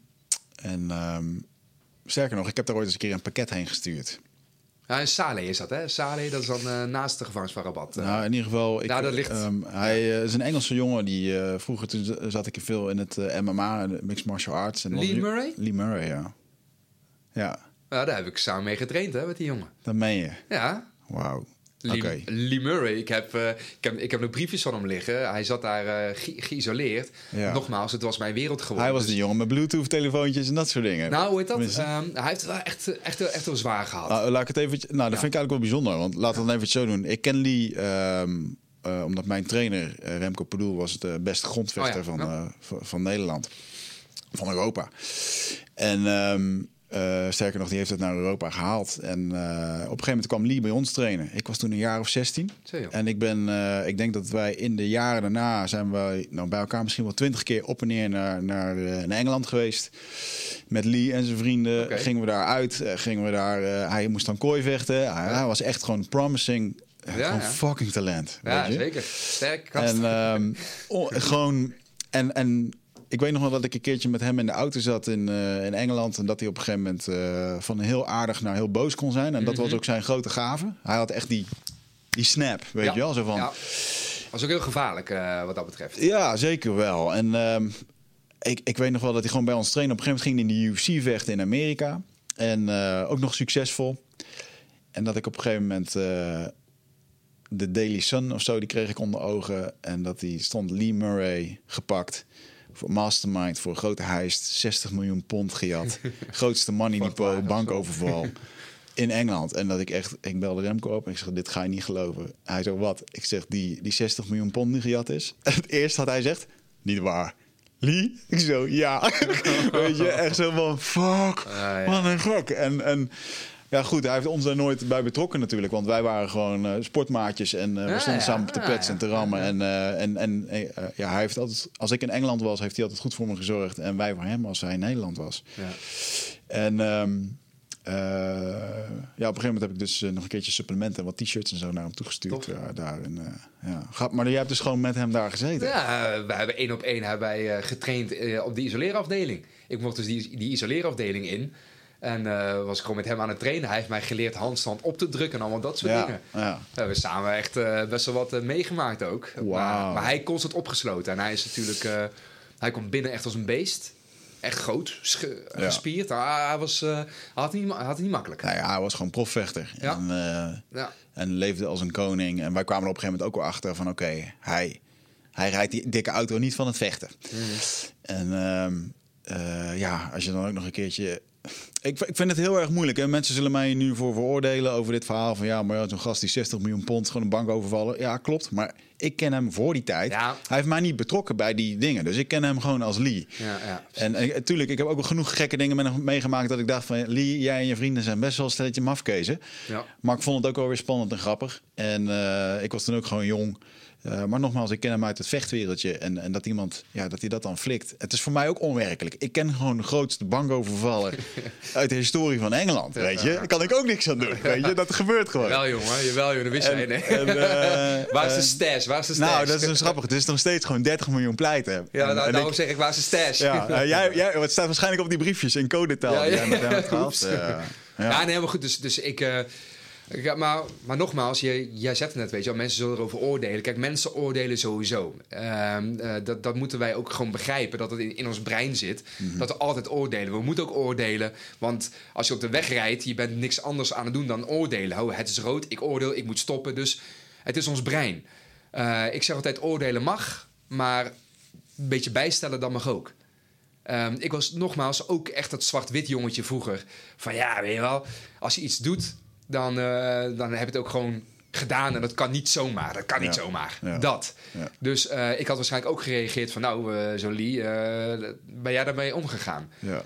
Maar mensen vergeten vaak dat, mensen, dat er ook heel veel mensen in de gevangenis zitten... Gewoon, die gewoon vader zijn.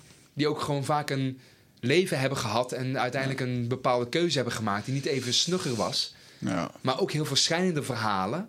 Dat ze gewoon eh, probeerden hun familie te redden. Een stomme keuze hebben gemaakt. Want als het zou lukken, dan zouden alle schulden afbetaald kunnen worden. Ja. Die zo wanhopig waren, erop worden ingepraat. En dus, dus je weet het nooit. En tuurlijk, het is niet goed te keuren. Dat wat hij heeft gedaan, tuurlijk keuren we dat niet goed. Dat is, maar goed, daar bloedt hij nou ook Nee. voor. Want hij is uiteindelijk eh, tot 25 jaar veroordeeld. Ja, wel echt. Hij moet dat. eh, en hij heeft dan Ja. een half Marokkaans paspoort. Of Mar zijn vader ja, is. Marokkaans, dus hij moet dan daar zitten. Maar kijk, ik weet nog wel de, de eerste keren dat ik hem ontmoette, dat hij, eh, dat ik zei van, ja, waar heb je dan het meeste gevochten? Waar heb je ervaring gedaan? En eh toernooitjes, dingen. Hij zei, ah, I fought on the streets, weet je. En dat ook, hij wilde op een gegeven moment niet meer met, eh, hij wilde niet meer te veel boksen, want hij had zijn hand al zo vaak gebroken in straatgevechten. en ik dacht echt, het is gewoon onwerkelijk dit, weet je wel. En ik weet nog wel dat ik toen een jaar of 16 was. Ja, man, I'm good streets here in, in Os, weet je wel. Echt, maar ik had echt geen idee dat gewoon... Hij, heeft gewoon in, van die, hij zat gewoon in van die gangs in, Ja, het was een in Engeland, weet je wel. En heb, in eh, Engeland is dat echt anders. Ik heb verhalen van hem gehoord en hij heeft uiteindelijk nog bloed op straat gelegen. Hè, dat hij Ja. eh, klinisch dood was. eh. Ja, maar het was zo, hij was gewoon iets van 16 keer gestoken. Ik geloof dat er 40 liter bloed was verloren. Wat continu werd aangevoerd via een infuus. En gewoon vier weken later, na, hij is geloof ik drie keer dood gegaan op die, op die operatietafel. Drie weken later stond hij gewoon weer op de pads in, de, in, de, in een sportschool bij London Shoot Fighters in Londen. Stond hij gewoon weer op de pads. En het was, dat, was, dat was gewoon Lee, weet je. en ergens is dat ook een gewoon litteken eng. op zijn borst. hè. Hij heeft ergens een litteken. Ja, ja, ik heb hem toen in die Oh, periode heb ik hem al niet meer eh, gezien. Want eigenlijk, ehm, ik ging voornamelijk met hem mee als hij moest vechten in Engeland. En dat was dan nog op, dat heette dan Millennium Brawl. Eh, dat was dan eh, de eerste kooi, ja, de MMA-partijen in uh, kooi vechten klinkt weer zo bruut, maar het waren de eerste MMA-partijen in Engeland. Ja. En op een gegeven moment ging hij in Amerika, dus daar had ik dan niks meer bij te zoeken. Ja. Ehm, maar ehm, ja, bizar man. Eh, Ja, ja, dat het mensen tegen. Ik, Ja, eh, maar eventjes om terug te komen op het verhaal. Dat Ja. hij inderdaad, hij had in de jeugdgangs gezeten. En dat hij zei, ik ben gewoon tot mijn, van mijn, tot mijn Ja. 16 jaar ben ik gewoon alleen maar afgeranseld door mijn pa. ja, En hij had dan zo'n ehm, eh, zo'n jongen waarmee hij alles samen deed. Dat was Paul Allen. Die is nu wel, die is nu vrijgesproken. Ja, Paul was ook mij, want die kwam eh, samen met hem binnen. Ja. Sterker nog, wij zagen op televisie, want het was echt groot nieuws in Marokko. Wij zagen op televisie dat ze waren opgepakt, dat ze werden afgezet bij de gevangenismuren. Mhm. dat ze, en ze kwamen onze cel langsgelopen, een paar, een paar minuten later. Ah, Niet gelogen, ik... eh, Maar met, Paul echt, heb eh, ik best wel wat gesprekken gehad. Paul, over, van, van waarom, waarom... Want ze waren, iedere Ja. keer zaten ze in de gevangenis. En dat hij zei, joh, ik ken gewoon niet weten. Mijn vader was ook gewoon een crimineel. Ik, Ja. ik zal dit altijd blijven. Nu is hij vrijgesproken. En hij is onlangs is die, is die, is die, hebben geprobeerd om me neer te schoten in Engeland. Want ik zat hem Oh, echt? toevallig... eh, ik zag ik een artikel voorbij komen in Engeland... waarbij is hij in zijn stot geschoten, in zijn stothoofd. Echt? Hij zat in zijn huis. Maar ja, dat is dan ook weer. En dan huurt hij een huis van 1,2 miljoen. Dan denk ik, gast, je bent uit die bak gekomen. Ja. En je bent gewoon weer... Ze maken gewoon keuzes Ja. die niet even snugger zijn. En dat is een beetje jammer. Hè? En dat doen heel veel mensen natuurlijk. We maken allemaal keuzes. Eh, ja, soms zijn keuzes gewoon niet eh, de Ja. slimste. Maar nogmaals, ik wil er niet te hard over oordelen. En eh, ja, ja, Nou ja, en ik moet dan ook weer zeggen, kijk, mensen die dit nu zullen horen, die denken, wat een verhaal allemaal. Ja, dan denk ik ook, ja, maar dit waren wel... eh, ehm, dit is gewoon een niveautje ander crimineel Ja, dan zeker. anders. En nogmaals, ik kan er ook niks aan doen dat het zo loopt en dat ik ze toevallig ken, maar... Fuck man, dit, dit bestaat gewoon in de wereld, weet je wel? nou, ja. En- nou ja, kijk, weet dat? Dit is gewoon het leven van sommige mensen. Kijk, toen ik natuurlijk die Casablanca gevangenis, weer, weer even om daar terug te komen. Mhm. eh, eh, toen ik natuurlijk in die Casablanca gevang, gevangenis terecht kwam, wist ik nog steeds niet wat er ging gebeuren. Ja. Want niemand kan je iets vertellen. En uiteindelijk eh, ja, dacht ik, ja, hier moet ik nog, weet ik veel, een maand, een jaar, een half jaar, twee jaar. Ik, ik wist dat gewoon niet. Dus mijn verbazing was des te groter dat ik dus in een cel werd gezet. Eh, dat ik daar weer de, ja, ja, de slaap probeerde te pakken. Maar dat lukte gewoon niet, want je bent weer helemaal in die soort van ja, Ja. overlevingsmodus. En hier moet ik het weer helemaal mijn draai zien te vinden. Dat gewoon om vijf uur s ochtends of zes uur s ochtends... eh, dat, dan, eh, dat, dat ik ineens werd opgeroepen. Dat ik helemaal stom verbaasd was. En dat ik uiteindelijk dus meteen werd overgeplaatst... met zwaailichten weer naar Casablanca Airport... En ik daar uiteindelijk werd overgedragen aan de Koninklijke Marechaussee. Dus alles stond dan klaar en wel. Wow. En eh, ja, nog- nogmaals, het was ook heel surrealistisch. En ik had niks bij me, behalve gewoon mijn koffer. Een rode koffer, die ik ook ha- had toen ik eh, ja, voor de laatste keer vertrok. Op zakenreis vanuit, Ja. eh, vanuit Nederland. En die zat helemaal vol met brieven. Want ik mocht één koffer meenemen dan. En dat was 36 kilo, weet ik nog heel goed. 36 kilo. Dus ik moest de koffer openmaken. Gewoon, gewoon, gewoon bij een incheckbalie. Dat was nog een meest vreemde. Alle passagiers moesten wachten. Want ik moest als eerste aan boord. Vliegtuig had wat vertraging. Door mij, vond ik wel leuk. maar eh, ja, ik moest echt die koffer openen. En ik zie die drie boomlange gasten van de Koninklijke Marechaussee naast me staan. Hele aardige gasten trouwens. Waren gewoon lieve mensen. Behandelden me heel erg netjes. En die zien al die brieven. En die zitten echt, "Huh, wat is dat nou? En die kijken omhoog. Ja, dat zijn de brieven van mijn moeder. En dan valt vrienden en de kennissen en familie. Hè? Oké. Ja, dus moesten dus 6 kilo aan briefpapier eruit pakken... zodat een van de jongens van de Koninklijke Marechaussee... dat als handbagage mee kon nemen... Ah, eh, zodat de koffer ingecheckt kon worden. wauw. Ja, en dan word je overgeplaatst. Ja, dan ga je dus inderdaad het vliegtuig in. Ja, en dan was het echt gewoon, weet je wel, iemand van een Marseillais naast mij, iemand achter mij, iemand daarnaast. Dus Ja. dat je dus eh, veilig zit, zeg maar. Niemand kon me iets aandoen. Ja. Ehm, Maar nogmaals, heel onwerkelijk. En wat doe je dan? Ja, ik begin gewoon mijn verhaal te vertellen aan die gasten. Want ja, maar ja, dan begin je met, weet je al, eh, tien jaar, onschuldig, niks gedaan. Ja. En je ziet ze al kijken van, oh jee, hebben we er weer eentje. Ja, ja, ja. Maar ik vertel gewoon mijn verhaal in alle geuren en kleuren. Zoals ik het ook hier doe. En ik weet nog goed, ja, die gasten die wilden alleen maar meer weten. En eh, die zaten toen de landing werd ingezet, na 3,5 uur, eh, die zaten echt, ja, die man naast mij half gedraaid. Die jongen achter mij uit Groningen, was een boomlange gast, net zo oud als ik toen. En eh, die zat echt met zijn hoofd tussen die hoofdsteunen in. En eh, dit en dat. Die was echt, ze, waren, ze waren echt aan het eh, volgen. En toen vertelde ik ook over mijn boek, 400 brief van mijn moeder. Ik ga het boek schrijven. Vroeg die jongen uit Groningen nog van... en komen wij er ook in voor? Ja, zeker komen die er voor, ja. Nou, maar echt alleen maar pluim voor de Koninklijke Marseillais... dat ze me zo netjes hebben behandeld. Ik had Ja. geen boeien om of kettingen of dat filmverhaal. Dat denk je wel. Maar had je, dan- eh, ze waren, wel zij, zich? waren zij bekend met het verhaal dat je dan onschuldig had vastgezeten? nee, en, eh, nee, nee ze, hebben, ze hebben echt eh, letterlijk een opdrachtbond. Gevangene A moet naar plek B. Wauw. Dat. Ja. En dus ze weten verder eigenlijk helemaal niks.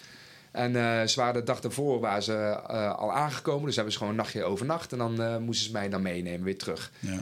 Maar goed, no- nogmaals.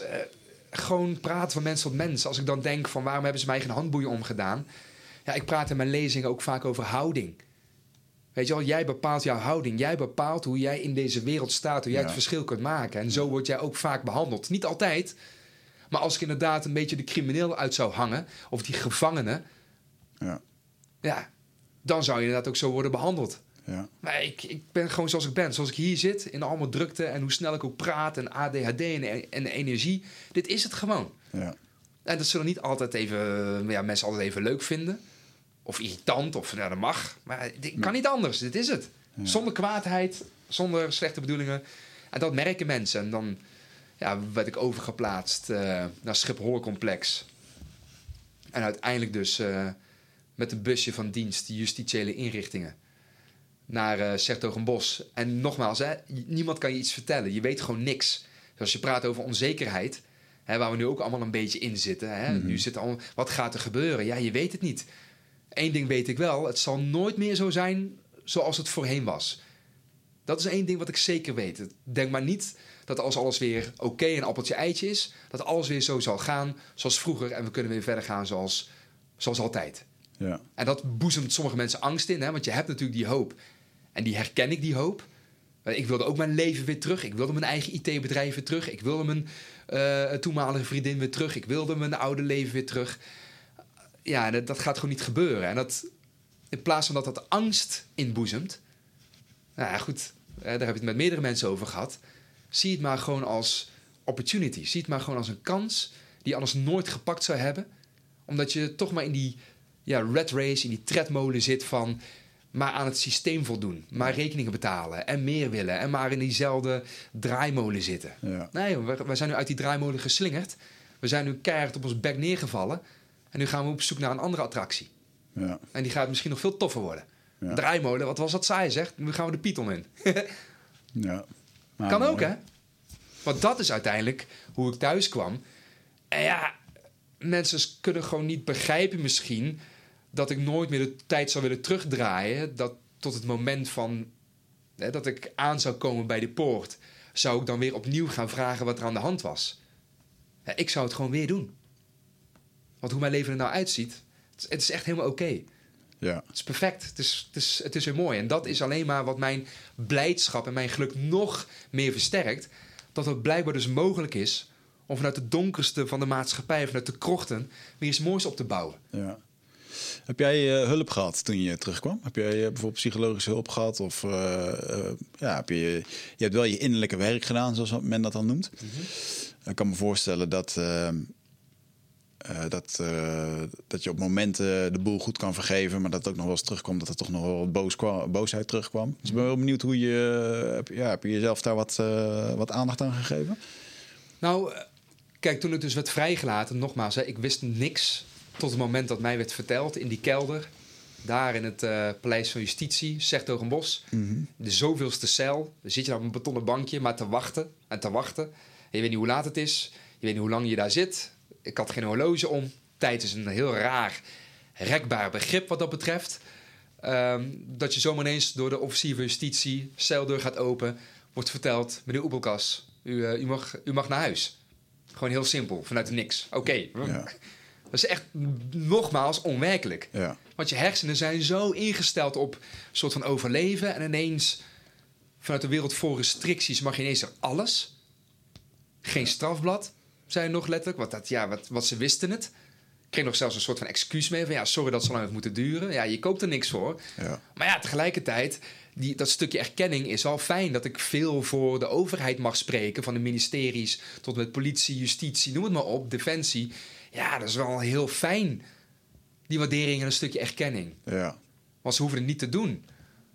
Maar dan kom je thuis en dan moet je dus alles weer opnieuw opbouwen. Met helemaal niks, letterlijk niks. Hè, wat ik er straks aan het begin al zei, ik had niet eens één cent. Moet je doelen gaan bepalen. Ja. En doe je dat met hulp, zonder hulp? Ehm, ik heb hulp aangeboden gekregen. Je hebt hele mooie instanties zoals de reclassering en noem het maar op. eh, die er echt gewoon willen zijn voor mensen die het nodig hebben. Het was ook echt wel een heel soort ja, van geruststelling dat ik wist dat ik altijd bij ze terecht kon. Ja. En mocht het niet lukken, terwijl ik vastberaden was, ik ga het eerst zelf proberen. Zoals ik ook zelf uiteindelijk in de gevangenis het heb moeten doen. Ja. Mensen kunnen wel jou digitale knuffels geven of een brief sturen, maar uiteindelijk moet je het toch zelf doen. En dat was een hele strenge leerschool, maar dat heeft me uiteindelijk ook geholpen om op eigen kracht in mijn gelukkig liefdevolle omgeving alles weer op te bouwen. Ja. En mijn visie werd echt dat boek, 400 brieven van mijn moeder, dat boek gaat komen. Hoe lang het ook duurt.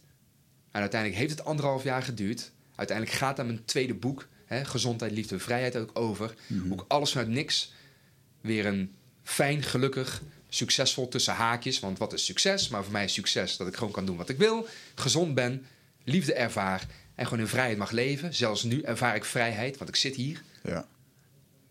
ja, dat het dus weer mogelijk is om eh, dat op te bouwen. Maar die anderhalf jaar, oh, dat was geen pretje. Niet altijd, want je hebt een focus. Je wilt dat boek uitbrengen. Ja. Maar dan krijg je wel het systeem wat natuurlijk om de hoek komt kijken. Het systeem. Ik kreeg aanmaningen binnen en ik moest betalen. Maar nogmaals, ik heb geen geld. Ja. En dat zelfs vrienden van me verlangden van... ja, maar, maar Jozef, je bent al een jaar thuis. Wat ben eigenlijk aan het doen? Ik zei, ja, ik ben nog steeds met het boek bezig. Oh, ben je nog steeds bezig met het boek? Ja, maar wanneer komt het uit dan? Ja, dat weet ik niet. Het komt uit wanneer het klaar is. Ja, maar wanneer is dat dan? Ja, dat zeg ik toch net, dat weet ik niet. Ja. Dus dan krijg je met allerlei prikkels van die buitenwereld weer te maken... waardoor je uiteindelijk weer aan jezelf gaat twijfelen. Oh ja, ja, doe ik eigenlijk wel het juiste? Ja. Dat ik echt een jaar na vrijlating echt weer in een soort van dip terecht kwam. Van moet ik dit eigenlijk wel gewoon doen? Of moet ik het gewoon loslaten? Weer terug in de ICT? Of ik wist het even niet meer. Ja. En dan is het cruciaal dat je een omgeving hebt. Mensen ziet ook in jouw omgeving dat ik mijn moeder had, gesprekken had van mam, doe ik wel het juiste? En dat mijn moeder gewoon zei van joh, dat weet jij alleen het beste. Ja. Niemand kan dat voor jou bepalen.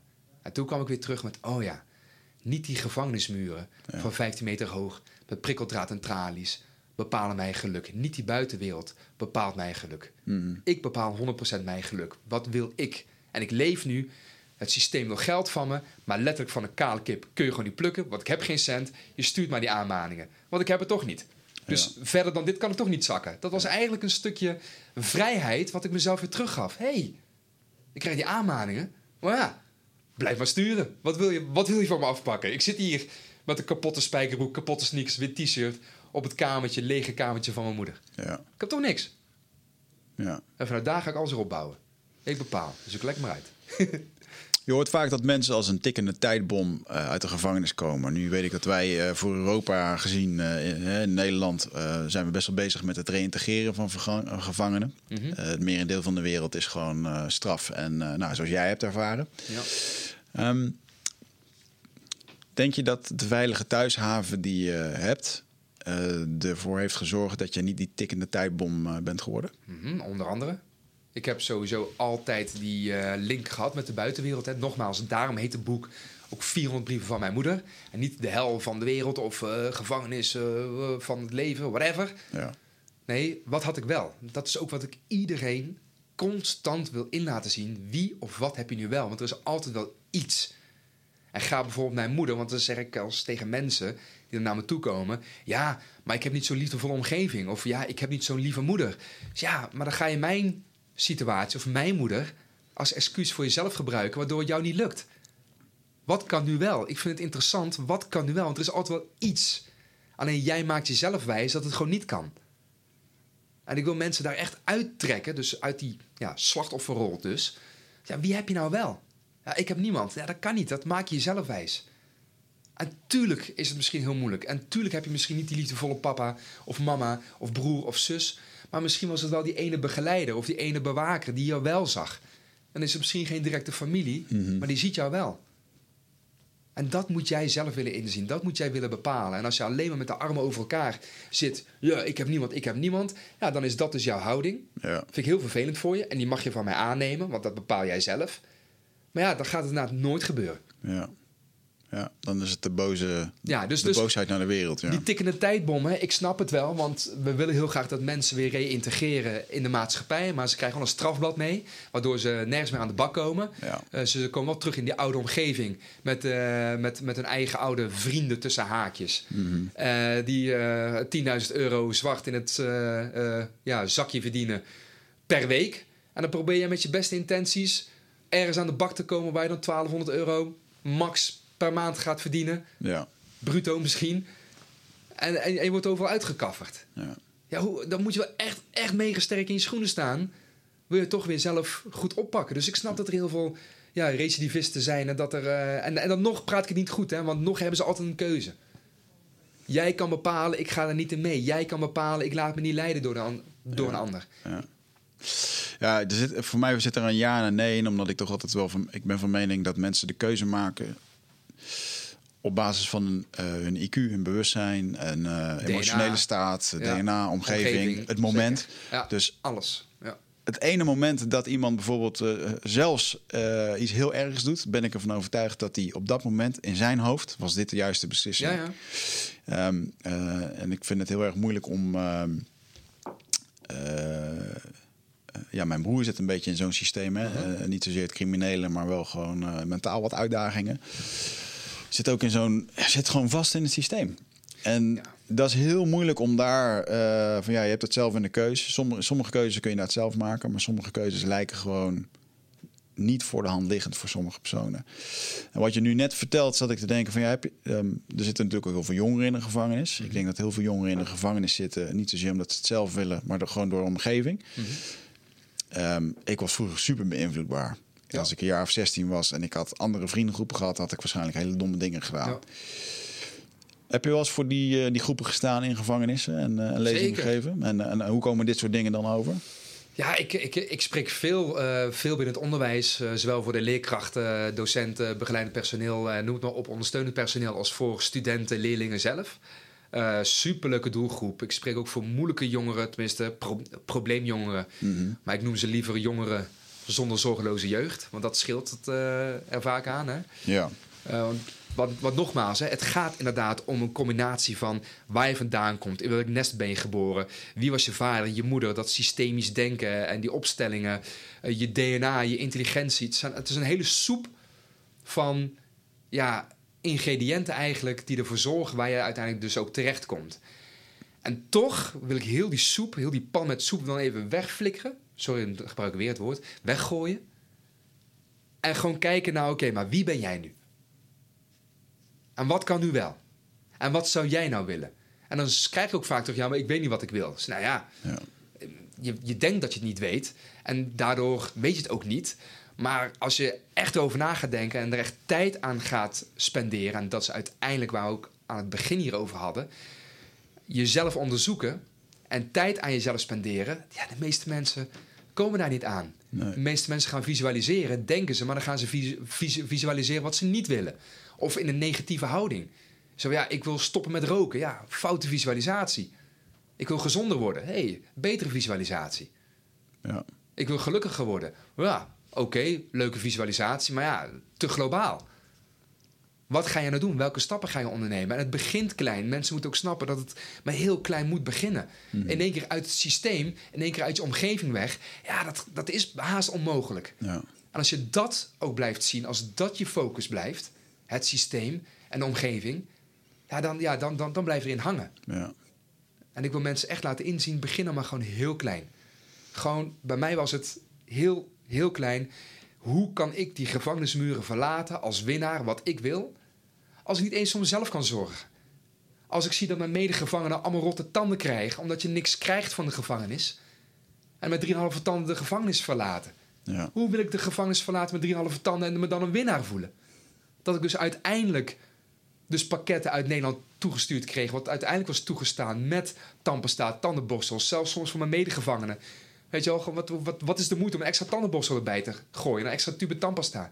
Wat is de moeite, letterlijk iedere dag, s ochtends twee minuten, s'avonds twee minuten, om even heel bewust met je tanden bezig te zijn? Wat sommige mensen niet eens meer doen of vergeten of in alle drukte en de waan van de dag of niet eens meer wachten op het, uh, weet je, met, met de elektrische tandenborstel. Zijn ze bezig. Mm. En wachten ze niet eens meer op de... Nee, je stopt daar van tevoren. Ja. Want druk, kinderen moeten naar school, werk, uh, afspraken. Ja, ja dan, dan, dan ga je het inderdaad verliezen. Want dan gaat het systeem het overnemen. Ja. Dus bij mij was het zo mini klein mijn tanden verzorgen. Iedere dag weer, drie keer per dag in dat smerige toilet. Met stront en uitwerpselen, vooral tijdens de zomers. Omdat er gewoon geen water was. En het kon gewoon niet doorgespoeld worden. Zoals één grote stinkende, smerige bende. Met rondele, kriek, kriek, krielende kakkerlakken. En dan zat ik gehurkt in met mijn sandalen, in die smurrie, mijn tanden te poetsen. Ja. 100% bezig met mijn tanden. En voor de rest interesseerde me geen ene zak wat die omgeving, hoe, hoe hard het stonk of wat dan ook. Want het boeide me gewoon helemaal niet meer. Want daar ligt mijn focus helemaal niet meer. Het stinkt, ja dat klopt. Raak ik wel aan gewend. Ja zo, zo hard. En uiteindelijk zo hard in liefde, glimlachend, bezig met mijn tanden. Deze tanden, deze tanden. Mm -hmm. Ben je emotioneel afgestompt uh, in die tijd? Nou, ik, ik, ik was in het begin, wat ik ook dus straks zei, wel wat gehard geraakt. Maar ik ben nooit, ik ben altijd ook toch emotioneel betrokken geweest. Dat schrijf ik ook in mijn boeken. Met mijn medemens. Met jongens die ook echt, want er waren gewoon, er zaten zulke fijne mensen tussen. Ja. Die iets hadden gedaan of die niks hadden gedaan, maar het interesseerde me niet eens meer. Nee. Iets. Heb je iets gedaan? Ja, weet je wel. Ja, het is toch gebeurd. Ja. Heb je niks gedaan? Kloten voor je. Ik snap je. Maar uiteindelijk kunnen we daar niks mee. Ik denk dat je, weet je, nu is het zo dat uh, nu met zo'n pandemie zijn we in één keer allemaal mens. Er is geen uh, Jozef of Vigert meer. Nee, we moeten allemaal in quarantaine. Het is allemaal, uh, hè? iedereen is hier hetzelfde. En ik denk als je daar hetzelfde bent, je komt daar in de gevangenis en dan ben je gewoon, je hoort gewoon bij het clubje gevangenen. Ja. En dan maakt het ook niet meer uit wat je hebt gedaan. Heb je daar, uh, wat is het, uh, um, heb, je daar heb je daar een verhaal van een medegevangene waarbij je dacht van wauw, wat een bijzondere kerel en wat zonde dat hij hier zit. Is er Oh. iets bijgebleven waarvan je wat te binnen schiet? Nou, meerdere. Uh, ik kan er zo tien opnoemen. Ik, neem, ik noem er even eentje Appie. Abdurrahman Kouakalla was zijn naam. Uh, Abdurrahman, toevallig mijn vader heet ook zo. -hmm. Abdo, Appie noemen we hem ook hier gewoon in Nederland. En uh, was een politieagent. Uh, wat heel veel gebeurt is dat mensen er worden bijgelapt. Hij was dan er ook bijgelapt. Het gebeurt heel veel. Maar nogmaals, het is één van de vele verhalen. Geloof het of geloof het niet. Uiteindelijk verandert het helemaal niks. Dat maakt ook niet uit. Nee, want hij had er gewoon niet moeten zitten. Enfin, hij was vader. Hij had een droom. Um, om in Duitsland zijn leven verder te leven. Want hij had zijn buik vol met al zijn goede bedoelingen van het land daar. Helaas, maar waar. Dat was zijn visie. Het zou gaan lukken. Uh, uh, hij had zijn vrouw en zoontje al naar uh, Düsseldorf gestuurd. Hij kwam helemaal blij van visite dat het allemaal was gelukt. En hij zou een paar weken later zelf vrijkomen. en ja, die droom zal nooit uitkomen. Want hij zou uiteindelijk komen te overlijden in een auto-ongeluk. Heel wrang. moest dan een aantal dingen regelen. In slecht weer een auto teruggebracht naar Marrakesh, waar hij vandaan komt. Waar ook mijn vader vandaan komt. Ehm, en uh, overleeft uh, uh, een crash niet. Was zelfs op het nieuws, want dat was een heel heftig ongeluk. frontale botsing, we waren van tweebaanswegen. Gevaarlijk, sowieso heel veel gevaarlijke situaties daar. Um, ja, en dan is het ineens over, is het gewoon voorbij. En dat heeft mij heel erg geraakt, omdat... en nog steeds kan daar ook gewoon nogmaals emotioneel van worden. Hè, ik heb het allemaal verwerkt en verweven en alles, maar sinds mijn kleine is geboren ga ik weer een heel nieuw niveau van uh, emotie in. Uh, dat beschrijf ik nu ook allemaal in mijn derde boek. Want mijn derde boek ben ik al even mee bezig. Maar sinds de geboorte van Benjamin is dat gewoon ja, nog, nog een diepere laag ingegaan. Ja. Want ja, als je toch... je wilt gewoon alles voor je gezin. Je wilt gewoon alles voor je vrouw en kind. Of voor je man en kind, kinderen. Dus daar ga ik van uit. Mm -hmm. um, daardoor stemt het mij ook wel een beetje triest dat er best wel wat eh, extra. Dat hoorde ik laatst in eh, dat er ook weer meer echtscheidingen zijn nu. Omdat, eh, ja, weet je, wel, je wordt met elkaar geconfronteerd. Ik denk van, oh wauw, wat heftig. Ja. Het zou juist een hele mooie tijd moeten zijn, maar sommige mensen ervaren dus niet zo. Ah, en ook voor kinderen. Ja, ja, ach joh, mijn, eh, mijn, Veel kinderen die ontsnappen naar school. I know. Mijn vrouw zit in de jeugdzorg. Eh, daarvoor is het heel vaak een veilige omgeving. En als Ja. dat dan wegvalt, de kinderen moeten thuis blijven. In een gevaarlijke omgeving. Ja, nogmaals, ik kan er niet eens. Ik wil er eigenlijk niet eens over nadenken, maar het gebeurt. En dat is verschrikkelijk. En eh, ja, goed, Appie, dat is dus een van die verhalen die mij zo heeft geraakt. Die ook zoveel met onrecht te maken had. Ehm, maar dat toch vasthouden aan een bepaalde droom. En uiteindelijk is zijn droom uitgekomen, want zijn vrouw en kind wonen hier. En ik heb er verder geen contact meer mee, vind ik heel jammer. Maar ja, onbegonnen zaak om maar eh, een beetje, denk ik, op zoek te gaan naar een eh, Mhm. moeder en kind. Eh, misschien moet ik, het, moet ik het doen of wat dan ook. Maar ja, goed, ik hoop maar dat ze gewoon fijn leven. Ja. Maar eh, ja, dat geeft me wel aan het hart. En zo heb ik nog ja, heel veel verhalen, maar dan moeten we nog even een paar uur erbij- eraan vastplakken. Ja. Maar het zijn vaak, nee, eigenlijk altijd mensen met een verhaal. En als ze nou toch meer open kunnen staan voor het verhaal. Ja. Of nou een Lee Murray is, of nou, eh, of, of nou Wigert Meerman, of Jozef Oebelkas, of nou zo'n probleemjongere. Hoor hem nou gewoon eens aan, of hoor haar nou gewoon eens aan. Wat is nou jouw verhaal? Hoe komt het dat je hier verzeild bent geraakt? Hoe komt het dat ik tegenover gasten in de gevangenis stond... van anderhalve meter breed, 2 meter 13 hoog, dikke nekken, kale koppen... allemaal mislukte tatoeages, zaten onder de littekens... dat ik alleen maar vroeg van ja, toen jij toch een jongetje van 12 was... Ja. was dit toch niet jouw toekomstbeeld of droom? In ieder geval niet dit. Ja. Wat is er dan toch gebeurd in jouw leven? En dan komen er ineens verhalen. Keur ik nog niet goed wat ze hebben gedaan...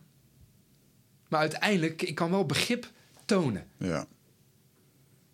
Als, jou, als je jouw kind iets aandoet en jij gaat in een emotionele opwelling de keel dichtknijpen van die gast die jouw kind iets aandoet of van iemand. Ja. In die emotionele opwelling, wat je net ook zei, ja, is dat de juiste beslissing. Ja. Want jij zit naar mijn kind.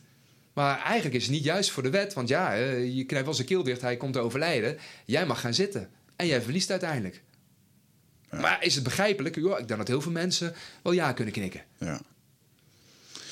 Ja, het is heel eh, onwerkelijk voor heel veel mensen om daar eh, niet naar te oordelen. Maar het is, ja, mensen maken bijzondere beslissingen. Door, eh, en er zit zoveel meer achter. Er zitten hele levensverhalen achter waarom Altijd. het zo is. Ja. Dat is de ultieme verbinding van alle mensen. Ja. Van Japan tot met China, tot met de mensen die nu dit allemaal meemaken, eh, tot met Amerika. Het, het zijn allemaal verhalen. Ja. En nogmaals, niet om het maar goed te keuren, maar laten we daar nou eerst even een beetje voor openstaan. Ja. En laten we dan verder praten. Je bent ehm, een eh, veelgevraagde spreker en auteur. Hadden we het net al een beetje over. Ik krijg boekingen omdat jij soms niet kan. Alsjeblieft, jongen. Toen moest ik echt lachen. Waarom, waarom komen jullie eigenlijk bij mij? Eh, nou, om eerlijk te zijn wilden we eigenlijk Jozef, maar die kon niet. Dus we nemen jou. Prima. Nou, ik gun. Ik ben graag je. tweede. En dat gebeurde ook een keertje toen eh, met Remco Klaas heb ik dat ook een keer gehad. Toen, Leuk. eh, toen zei, we, eh, ja, we wilden eigenlijk Remco, maar die was te duur.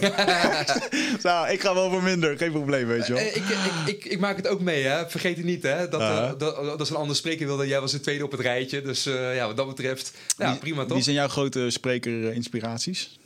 Eh, grote spreker-inspiraties. Ehm, nou, weet dat? eh, ehm, ik vind vooral eh, eh, mensen mooi die gewoon een verhaal te vertellen hebben, die mij ook gewoon raken. Ja, als je praat over Jaap Bressers, eh Nick van Adel, eh, maar ook eh, eh, eh, Thijs, Thijs Lindhout eh, of... eh, ja, dat, is, dat zijn allemaal jongens die hebben gewoon een verhaal te vertellen op hun eigen manier. En ik eh, vind het leuk om hun verhaal te voelen en te horen. Ja. Ehm, ik vind het nog knapper. Ik heb toevallig gisteren met Steven van Belgium, dat is een eh, Belgische man, die heb ik, eh, hebben hebben we nog even via LinkedIn.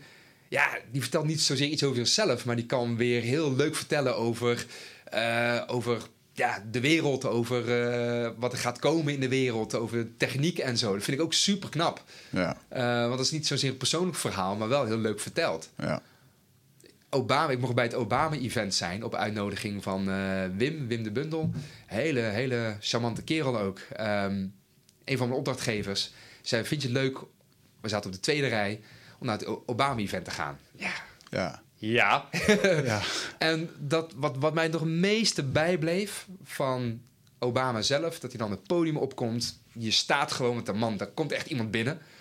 Dat is echt gewoon een president. Dat is van wauw, weet je wel. Ja. Dan, ja, je kan hem haast aanraken, zo gezegd. Dat is ook mijn beleving. En alles wat hij heeft verteld, prachtig mooi. Maar wat mij het meeste bijstaat, is dat als hij later terugkijkt op zijn leven, dan wil hij gewoon die goede vader zijn. Dan ziet hij zichzelf met Michel, met zijn twee kinderen, in een park lopen. En dan hoopt hij maar gewoon dat zijn kinderen vonden: ik heb een te gekke vader gehad. Ja. Wat nou president? Wat nou die treaty? Of wat nou die wet? Of wat nou. Nee, mijn kinderen. Ja.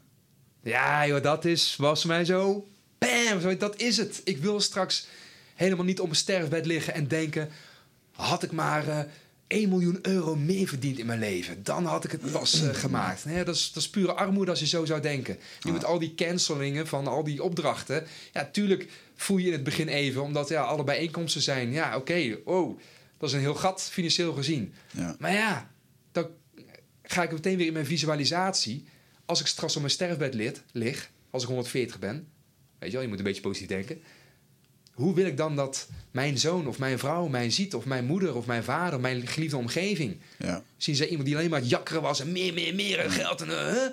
Of iemand waarvan ze zeggen, ja, maar hij was er altijd. Ja. Op zijn manier. Soms ook irritant en soms ook te aanwezig. te druk. Maar wel zoals die is. Dat vind ik wel leuk om van je te horen. Wat, is, eh, wat, wat zou je graag van jezelf willen zien als je op dat sterfbed ligt? Wat heb je dan gedaan? Ik hoop dan dat, ja, dat ik er gewoon heb mogen zijn zoals ik ben. Voor diegene die het nodig had. Eh, ik krijg nu, blijkbaar er zijn er best wel mensen die nu mijn boeken ook lezen. Ik krijg best wel berichtjes en mailtjes binnen van mensen die dus ook ineens tijd hebben om te lezen. Ja. En dan eh, raakt het mij echt iedere keer weer. Of als ik kijk naar mijn eh, Instagram, dat heb ik alleen maar omdat jongeren, weet je wel, ook het boek lezen. En die gaan niet mailen, maar die gaan, die gaan je een, ja, een pri- privéberichtje sturen. Zoals jij trouwens ook deed, Ja. ja. Wigert. Dus later zag ik hem ook wel. Ja. Ehm, en als ze gewoon dankjewel zeggen. Je hebt me gewoon een steuntje in de rug gegeven nu ik het nodig heb. Ja. Nu in deze tijd of met wat ik heb meegemaakt. En mensen hoeven dat helemaal niet te doen. Maar dat is, dat is voor mij ultiem. Daarmee beleef ik al mijn droom, al mijn visie. En is dat gewoon het meest ultieme. En dat wil ik vast blijven houden. Terwijl ik soms ook in die modus terechtkom van... en meer, en meer, en nog groter, en nog gaver. Nee, het is al gaaf. En dat we nu straks de wonden moeten gaan likken... ja, dat hoort er ook bij. Ja. Eh, heel mijn boek begint met het eerste zinnetje van mijn moeder uit die brief. Het leven, mijn kind, kent vele drempels die je over moet. Dat is de eerste zin waarmee ik open. ja. Mooi. Ja, Ja, eert je moeder ook nog altijd hè? Met, eh, met lezingen. Ja, nou, applaus voorbij komen. En eh, soms zelfs je moeder nog wel eens op het ja, podium. ja, ja nou, heel, heel af en toe gaat mijn moeder mee. Want ja, mijn moeder is eh, geen verlenging van mijn verhaal. Maar zij is onderdeel van het verhaal. Maar zij heeft een heel druk leven. Mam, ik heb weer een boeking. Je moet mee. Ja, ja, ja, nee, nee, nee, helemaal niet. Nee, Ik denk dat zij misschien één, twee keer per jaar, als het haar uitkomt, eh, dat, want ze is gewoon een hele bezige bij. Heel, heel ondernemend. Woont... eh, Kent het verhaal ondertussen wel. ook. ja, ja, ook dat. Ze is een beetje moe van het verhaal. Moeten we weer? Nee, nou, nee, ze vindt vooral iedere keer weer heel leuk. Om, daarom gaat ze echt wel een paar keer mee. Om gewoon ook weer die interactie mee te maken. Om dan toch te zien, weet je wel, hoe doet mijn zoon het nu? Ja. Is het nog steeds, voel, voel ik het ook nog steeds? Ja. Dus mijn moeder is ook wel een graadmeter hoor, wat dat betreft. Als mijn moeder zegt van, nou kind, ik zie toch al een beetje afvlakken en ik, eh, ik voel het niet meer zo bij je. Oeh, dan denk ik van, hm, dan ben ik verkeerd bezig. Maar mijn moeder zegt iedere keer weer, ja, goed gedaan jongen. Was weer mooi. ja, mooi. En eh, ja, als zij dan het podium opkomt en er komt een staan ovatie voor haar. En als ze er niet is, laat ik altijd aan het einde een foto van haar zien. En dan, als er dan een staande ovatie komt, dan zeg ik, eh, die is voor haar, niet voor mij, voor haar, absoluut. Want je hoeft voor mij echt niet te staan, dat gebeurt ook echt niet altijd. Ja. Ligt een beetje Aan de vibe, aan, ja, aan de groep, ja, aan, aan de setting. In een, in, een, in een theater gaan ze veel sneller staan dan in een eh, bedrijfskantine of zo. Dus ja, ja, dat is zonde, zeg maar, mijn moeder eh, te veel op een voetstuk, want dat wil ze helemaal niet.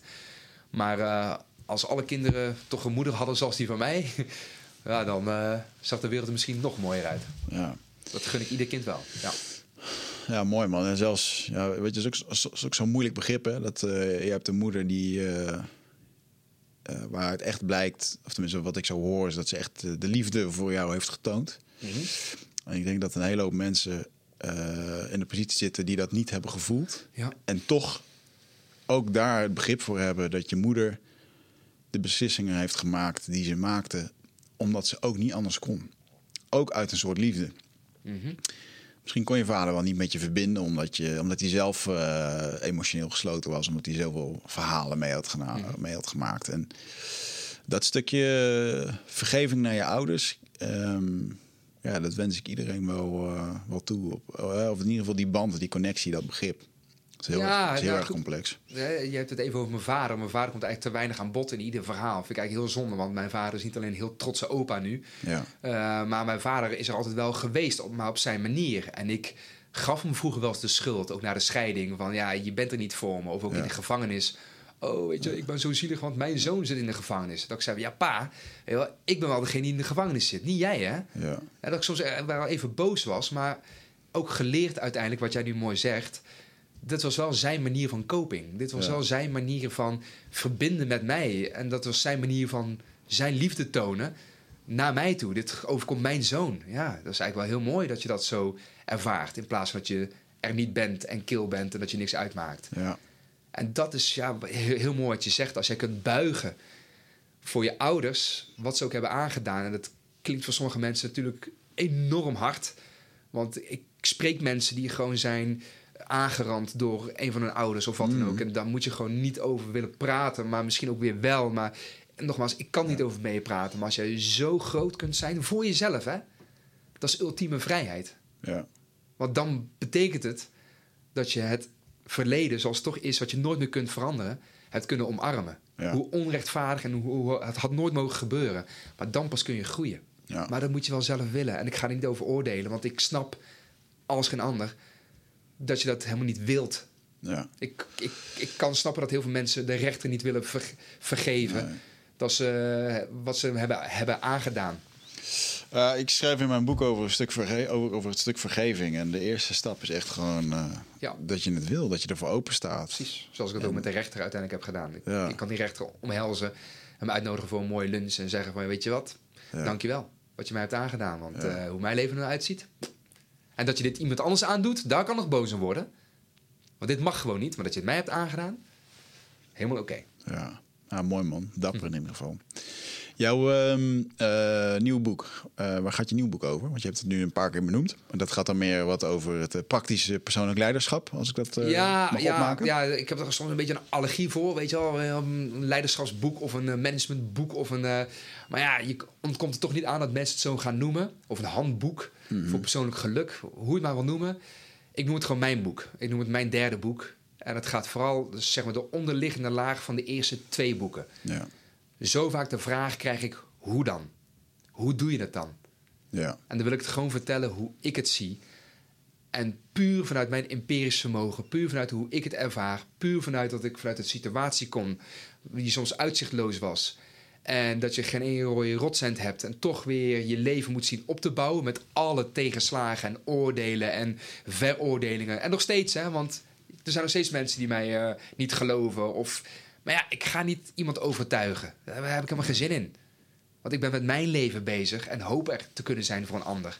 Op mijn manier. ja, En daar gaat het derde boek ook over. Hoe we ja, eigenlijk in een soort van lage leven. Weet je wel, laag 1. We zijn alleen maar aan het overleven. Je wordt wakker. Je moet de rekeningen betalen. Kinderen moeten naar school. eh, je moet werken.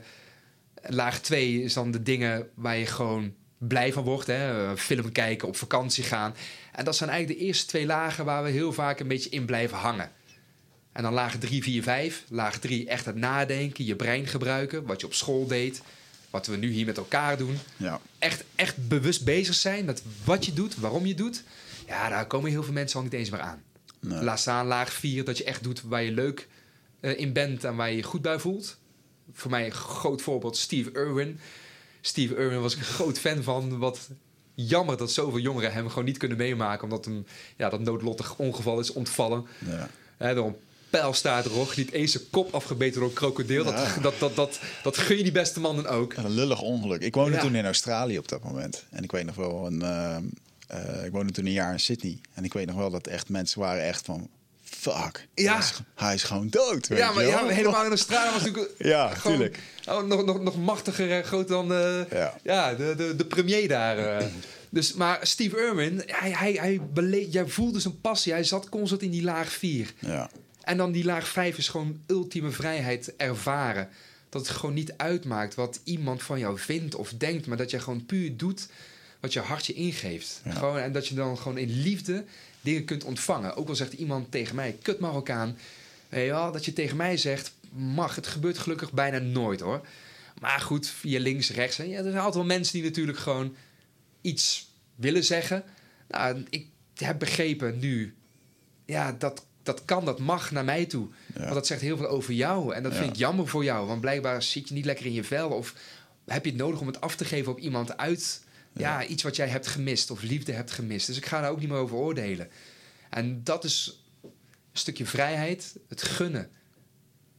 Dat iemand anders het ook gewoon mag ervaren. Ja. Ja, dat is super cool. Ja. Het betekent niet dat je er constant in kunt leven, want ook ik sta op en ook ik moet gewoon mijn Ja. hypotheek betalen en ook ik moet gewoon aan de pomp gewoon afrekenen. Ik kan niet staan in mijn laag 5 ultieme vrijheid. hey, ik heb nu getankt, maar eh hoef niet te betalen nu.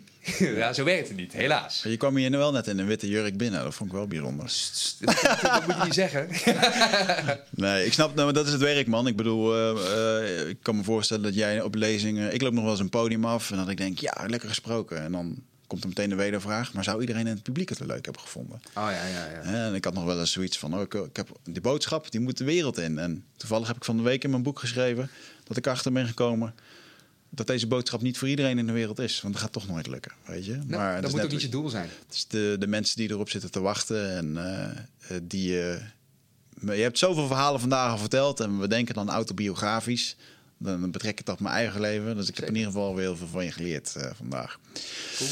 Ik, ehm, ik hoop dat ik ooit een keertje met je het podium mag delen. En, Gaat ehm, ongetwijfeld gebeuren. dan, Visualiseren, eh, toch? Ja, zeker ja. En, eh, Mag je in je voorprogramma? Ik denk dat...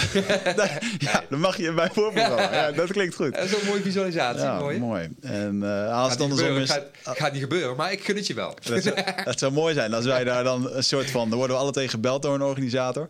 En dat we dan alle twee die wens daar neerleggen van... "Hé, maar dan moet hij wel in mijn voorprogramma. ja, cool. Man. nou, ja, komt goed. Ik, ehm, ehm, ja, je hebt een fantastisch verhaal. We kunnen het er nog een keer eh, eh, over hebben. Laten we dat ook vooral een keertje doen. Als, het, eh, als je straks je boek uit hebt, beloof dan dat je nog een keer terugkomt. Oh, en dan gaan we het er nog een keer over hebben. Ja. En ja, ik zou zeggen, luisteraars, ga naar je website. Je hebt een net vernieuwde website. Ja, jozefoebelkas.nl. Of ja, je kan ook gewoon naar 400 brieven van mijnmoeder.nl. Want voor heel veel mensen is Jozef Oebelkas een Ja. beetje moeilijk te onthouden. Ja. Maar ja, ik ben wel de enige op de hele planeet. Dus google mij en je komt op mij Ja, terecht. is wel echt, wel echt een hele vreemde Marokkaanse naam trouwens. Jozef Grappig hè? Leuk hè? Ja, Toch? dan komt, ja, ja, mijn moeder is natuurlijk christen. Ja. Mijn vader is moslim. Ik krijg zo vaak vragen. Ja, en wat ben jij dan? Ik ben Jozef Oebelkas. ja, dus ja, maar, ja, maar wat ben je dan? Ben je dan moslim? Ben je christen? Ik ben het allebei. Ja. Ja, dan kunnen mensen niet. ja, Wat, wat mensen willen zo graag je in een hokje stoppen. Oké, als je moslim bent, ah, dan ben ik eh, tevreden. Of als je christen bent. Ik zeg, ik ben het allebei. Dat is het mooiste. En laatst wat ik even wil zeggen. Wat ik heb meegekregen vanuit het huwelijk van mijn ouders. Helaas is dat niet eh, goed gegaan. Maar dat heeft niks te maken met religie of wat dan ook. Ehm, eh, maar dat zowel mijn moeder als mijn vader als elkaar in een waarde lieten. Ehm, wat betreft religie of wat dan ook. Jij mag geloven wat jij gelooft. En dat is misschien wel het ultieme. Ja. Van eh, elkaar gewoon accepteren.